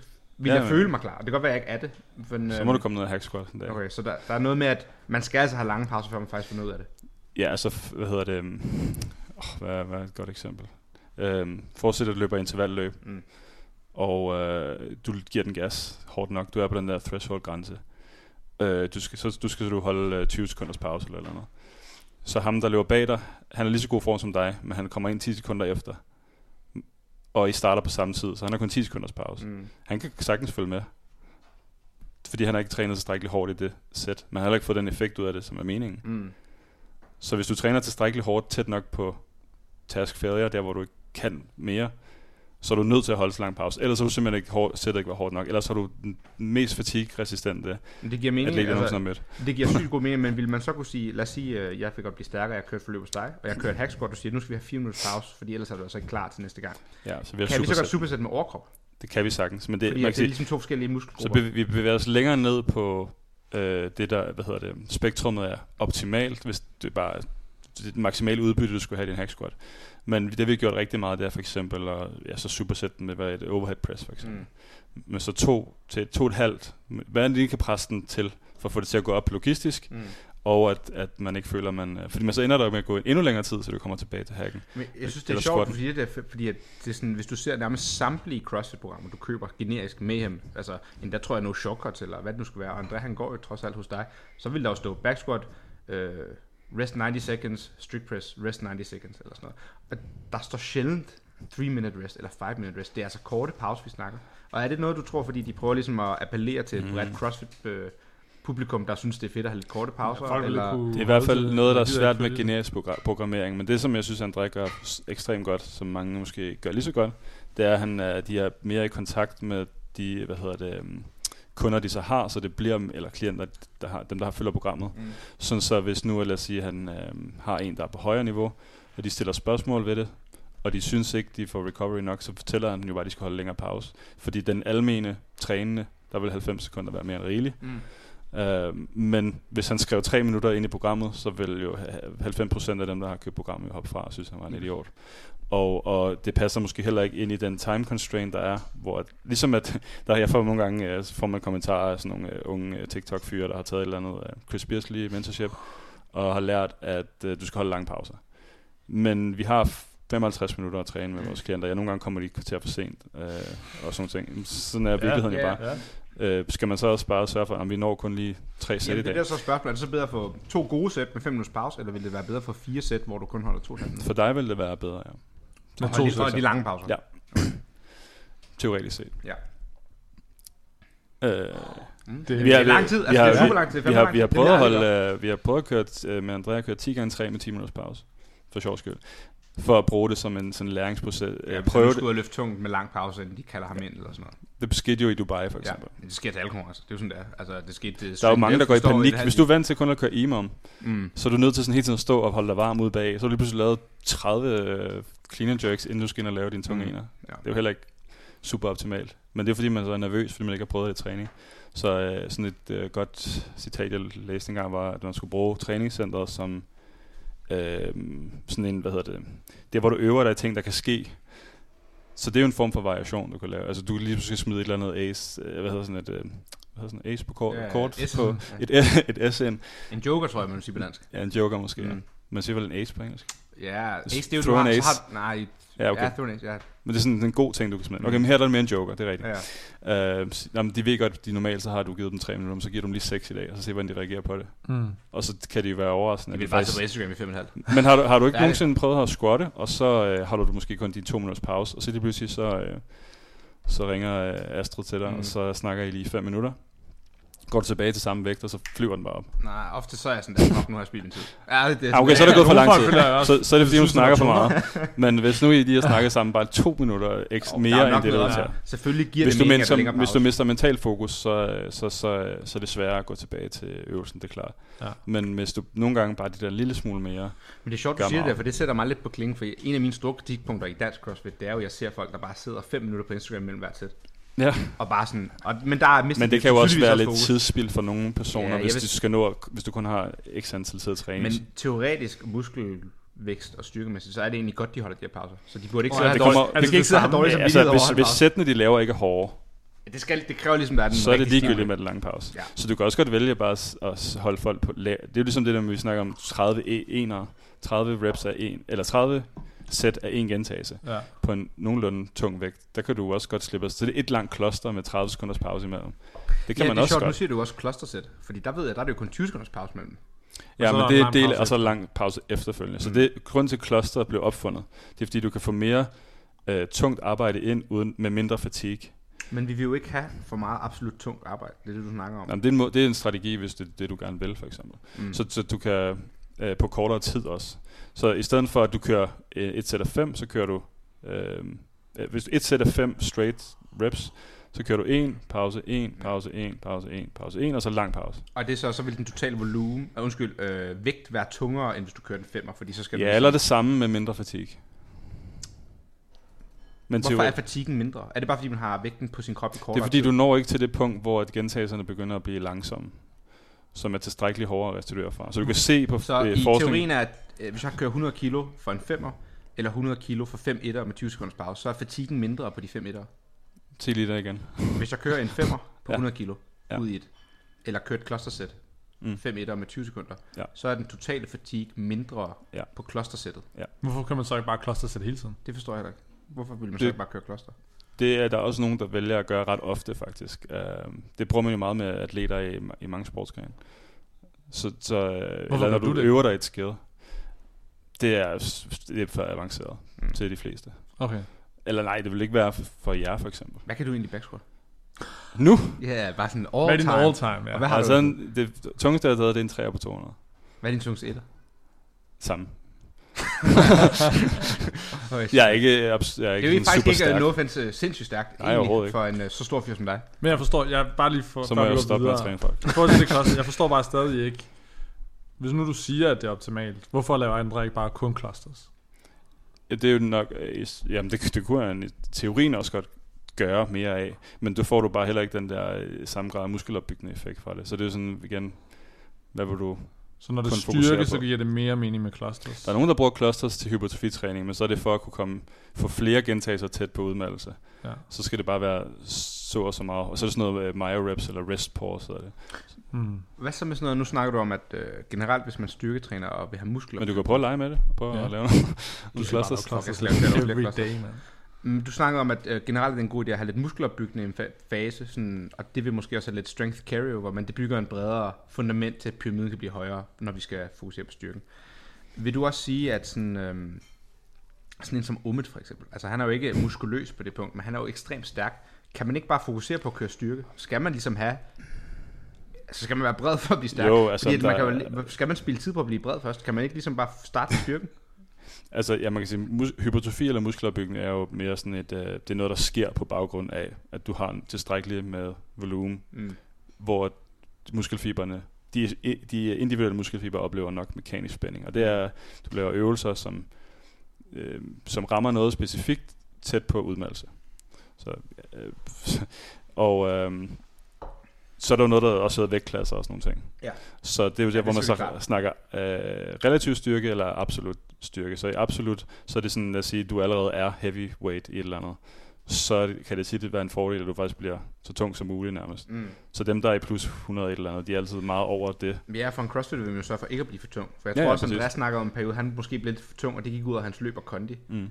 Og så skal man jo have den der, som du siger, opvejning. Er det det værd at blive Men det er jo stærk, lidt tilbage til det allerførste, vi snakker om, Præcis. når vi snakker meget med det der interference og Ja. ja. sådan ting. Så, så, og, men der er jo, det ved jeg sgu ikke. Jeg synes, der er mange, jeg synes, der er mange atleter, der er ret store, der bevæger sig godt og sådan nogle ting. Jeg er enig. Øhm, s- men men øh, det, det er jo nok en, øh, igen en individuel øh, Ja, enig. ting. Fordi jo, altså hvis du kan blive stærk nok til, at du får en god finisher i forskellige workouts, men du ikke bliver større, så er det mm. Mm. jo nok en fordel. Men det er også mere måden at træne på. Så når, klassisk, når man træner sådan hypertrofi træning, så har du en, en mere moderat rep range, 6 til 8, 8 til 10 eller sådan noget. Det er ikke lige så mentalt er det ikke lige så hårdt som at køre lige så tunge løft, ofte Mm. i hvert fald. Eller meget high rep arbejde. Det er sådan rimelig nemt at styre. Og man har det sådan ret godt, når man er i de træningsfaser der. Du kan også bare vælge at køre, det, det snakker vi også om, det mig og Emil. Um, styrke på din første del af din træning, og så har du mere hypertrofi, og så har du noget øh, sådan mere sådan styrkehypotrofi i midten, og så har du noget pumperi til sidst. Ja, sådan accessory Ja, ja. ja. sådan en lidt en klassisk måde at bygge det op ja. På, og så kører det bare hver sin. Eller, og som jeg også har haft succes med at se, og som jeg ved mange andre gør også, at de bare har blokke dedikeret til de Mm. mm. forskellige ting, eller man blander det, eller du skifte, altså skiftevis, og der er så mange måder at gøre det på, og det sjove er jo, at alle, har, der har lidt deres egen, som har fået succes med det, har jo fået succes med det. Mm. Så sådan en, ja, der findes jo nogen, hvor de undulater alt, hedder det, hvor de skifter mellem, jamen det hedder det på i hvert fald på engelsk, det hedder varierende. Ja. At du kan få styrket hypotrofi og styrket hypotrofi og hele tiden skifte. Uh, og der er andre, der svæver til, at det skal være lineært. Du går fra 12'ere til 6'ere til 3'ere til 1'ere. Begge dele virker jo. Det er jo mere alle de der ting på mikroniveau, tror jeg, at administrere programmet er godt nok mm. og sådan nogle ting. Strukturen. Shit, man, jeg er ved at være kogt i hovedet. Ja, Ah, men jeg Kasper, tror, jeg har alle mine spørgsmål igennem. Ja. Har du flere? Altså, vi har jo lidt sådan... Øh, ved nu bliver det jo super meget teoretisk, og jeg håber, folk synes, det er spændende, som vi gør. Ja, jeg synes, det Men øhm, der er jo også lidt sådan nogle sjove spørgsmål. Men øh, vi har, at nu er vi også ved at køre i en time og 45. så Du er jo jeg også tror, gammel crossfitter. Det kan være, vi siger på det. Ja, hvad, står der, øh, hvad står der her? Hvor mange? Der er jo lidt spørgsmål fra way back in the day. 2016 har du lavet Buddhist Classic. Du Ja. var crossfitter førhen, men så fandt du ud af, at det måske var dumt, eller hvad? Nej, jeg tror ikke, jeg fandt, det var ikke, fordi det var dumt. Jeg tror bare, jeg, jeg har det meget godt i det der moderate spektrum der. Du kan ikke have det for hårdt. Jo, altså, Nå, jeg kan det er det, jeg synes, træne der er hårdt. mange Ja, hvorfor stoppede du? Der, der bliver vægtløftet. Så er det fordi, ah, men det var lidt for hårdt at lave crossfit, og så bliver de gode vægtløfter. Ja. Det er derfor, jeg er coach. Øh, jeg, jeg, er nok, jeg er nok ikke fan af at træne lige så hårdt, som, uh, som I gør, måske. De træner jo også dumt, vil du nok tænke, ikke også? Du må jo godt sige, at du... overhovedet Nej, det er ikke. Men tidligere crossfitter. Der er nogen, der spørger, hvordan er dine intervaller går søndag morgen, Mr. White Rock. Jeg tænker, du er den danske Rock, The Rock. øh, jamen, det, Og det, det er løbeintervaller, hun snakker om. det henviser nok til en, uh, som en spansk, uh, spansk klient, Lukas havde på et tidspunkt, som kaldte mig White Rock. Fedt navn. uh, så ved jeg ikke, om hun henviste til... Er det dine søndagsintervaller, hun spørger ind til? Du glemmer at løbe, eller hvad? nej, nej, jeg kommer hver gang. Nå, okay. Jeg er jo jeg er meget Nå, men mødestabil. Barbara, vi kan at han løber stadig hver lørdag. Altså, Barbara ligger bag mig jo, kan man sige. Så Nå, Det ved kan du næsten ved spørge hende lige præcis, hvem det er, det snakker om. hun ligger bare i læ. Det Det er jo meget nemmere for hende, hun ligger bag mig. Vindtunnelen. Vincent. Hvad hedder det? Har du nogle spørgsmål? Ja, Fuck, jeg synes, vi har været det hele rundt. Det var Ja, måske ikke så struktureret, men jeg synes fandme, at vi har haft... jeg synes, vi øh, kom det godt igennem. Vi har været igennem systematikken, teorien, hvordan vi kan styrketræne, hvad crossfitter gør forkert, hvad vi skal gøre for at blive stærkere, Ja. om vægtløfter kunne have gavn af at styrketræne. Altså, jeg er, ved, jeg er også ved at forholde den, når jeg sidder og snakker Ja. i mikrofonen. Har du, noget, har du en måde på, hvor du gerne vil opsummere det her, Kasper? Er der noget, du rigtig gerne vil have, CrossFit, der tager væk fra den her til dit eget gym, eller hvad Ja. det koster at køre forløb hos dig, eller noget? Altså, øh, jo, som, øh, som Victor påpegede, så blev det selvfølgelig lidt ustruktureret, lidt i øst og vest. Men vi har heller ikke rigtig snakket så meget om, hvad det skulle handle om. Jo. Nej. Så øh, jeg håber, at, øh, at det gav i hvert fald en lille smule indblik i mange ting. Det er nok mest folk, der ved lidt om træning, der vil synes, det er interessant. Og hvis forestiller øh, der er nogen, der føler, at vi har snakket sådan hen over hovedet på nogen, så mig. er Løft vi, er vi desværre lidt Ja. ligeglade. Men altså, I bliver nødt til at bare lytte, så skal I nok gøre Ja, noget. så må I kontakte Kasper, Nordic Ja. Performance Training. Ja, hvor kan man få fat i Nordic Performance Training og at Kasper Vinter med TH? Øh, ja, og så er der et S til sidst, fordi den var taget. Winters. Ej, Så ja, der er ikke Nej, det er der, man, det er der, man tager årstallet. jo. Hver gang jeg er med i en uh, udlandspodcast, så kalder de mig uh, Winters. Winters, Winters, eller så er skriver de Winters på. Mr. Men, øh, Winters. Men ja, øh, Instagram, hvis man er interesseret. Jeg prøver at, at, være god til at poste nogenlunde regelmæssigt. Jeg Ja, brænder vil lidt ud en gang imellem. Smart at følge ham, fordi der er meget god er viden på Instagram. ja. Der er meget gode sådan, captions til jer unge, der kan lide den slags. Og øh, god content, mange flotte piger, mange bøf drenge. Altså det hele kører Det derude. Øhm, Og Kasper, ellers, sådan et øh, forløb hos dig, kan man køre 12 ugers forløb, 10 ugers forløb? Øh, hvad koster det? Hvordan plejer du at... Hvad er minimum be- sådan, forløb, man kører hos dig? Er det 12 uger? øh, vi har lidt sådan forskellige pakker, kan man Mm. sige. Sådan nogle uh, trænings uh, courses. Uh, 12, 24 eller 36 gange. Altså uger er det så? Øh, det, er per, det er sessioner, og så Okay. vil vi helst, uh, ser vi helst, at man har minimum to gange om ugen, for at vi kan, sådan, kan, kan sørge for, at man faktisk får noget rigtig godt ud af, af træningsforløbet. Mm. Øhm, så hvis folk er interesserede, så kan de gå ind på vores hjemmeside, og så kan man booke en uforpligtende samtale, enten over telefon, eller komme ned og se vores, øh, vores træningscenter. Og hvad Øhm, koster sådan en, lad os sige, øh, jeg godt kører en 12 ugers. Nej, undskyld, sagde du 12, 12 sessions? 12 sessioner, ja. Ja, hvad, hvad giver man for sådan en bad boy? ja. nu er vi jo ikke nogen af dem, der har vores priser hemmelige, ligesom så mange andre Nej, har. Så, det så, det, ko- så det koster 9.500, det er 800 kroner per træningssession. Yes. Og så får man et program godt træningsprogram. Mm. Øh, du får træning af autoriseret fysioterapeut Mm-hmm. i, øh, i vores øh, egen private, Gym. øh, med, med Danmarks bedste Med udstyr. Højst, Danmarks bedste hack squat. højst, øh, højst rated i Danmark på Google, og øh, øh, som vi er jo ekstremt glade for. Og, øh, Og der er garanti for brede skuldre. det, hvis, man, øh, hvis det er noget, man gerne vil, så skal man, vi skal nok op i mere end 12, hvis det skal være super brede. Ja. Men, øh, men det kan vi jo komme ned og tage en snak om. Hvad har du øh, genganger, eller kører folk generelt sådan 12 ugers, eller er- har du folk, der kører flere år hos dig, eller hvordan? Øh? Jeg har mange, som jeg har haft nærmest siden, øh, ikke måske nødvendigvis siden jeg startede, men det er mange af de samme, så det er også, øh, det, det er lidt svært at finde en tid nu, vil jeg sige. Altså, Okay. kalenderne er godt booket. Øh, Og hvad hvis man kører sådan en 12 ugers forløb og siger, at det var virkelig godt, men jeg vil egentlig godt bare fortsætte styrketræning, men jeg har ikke råd til at fortsætte øh, altså 9.000 hver tredje måned. Laver man du online-program? Ja, altså betaler Andrea 9.000 hver tredje måned, eller kører Man du, øh, altså hvordan fungerer det sådan? man, kan, man kan også godt øh, køre online, ja. Men jeg plejer, det er ikke noget, jeg sådan pådutter folk andet end, for jeg vil gerne have, at de får noget ud af det. Altså, det skal jo, i nogle tilfælde giver det ikke nødvendigvis så meget mening, ellers så har vi sådan et, øh, et standardprogram, man også skal følge, hvis man, øh, hvis man ikke vil, helt, vil give helt slip på os. Så har vi mange, der, øh, vi har mange, der bare fortsætter nærmest bare derudad.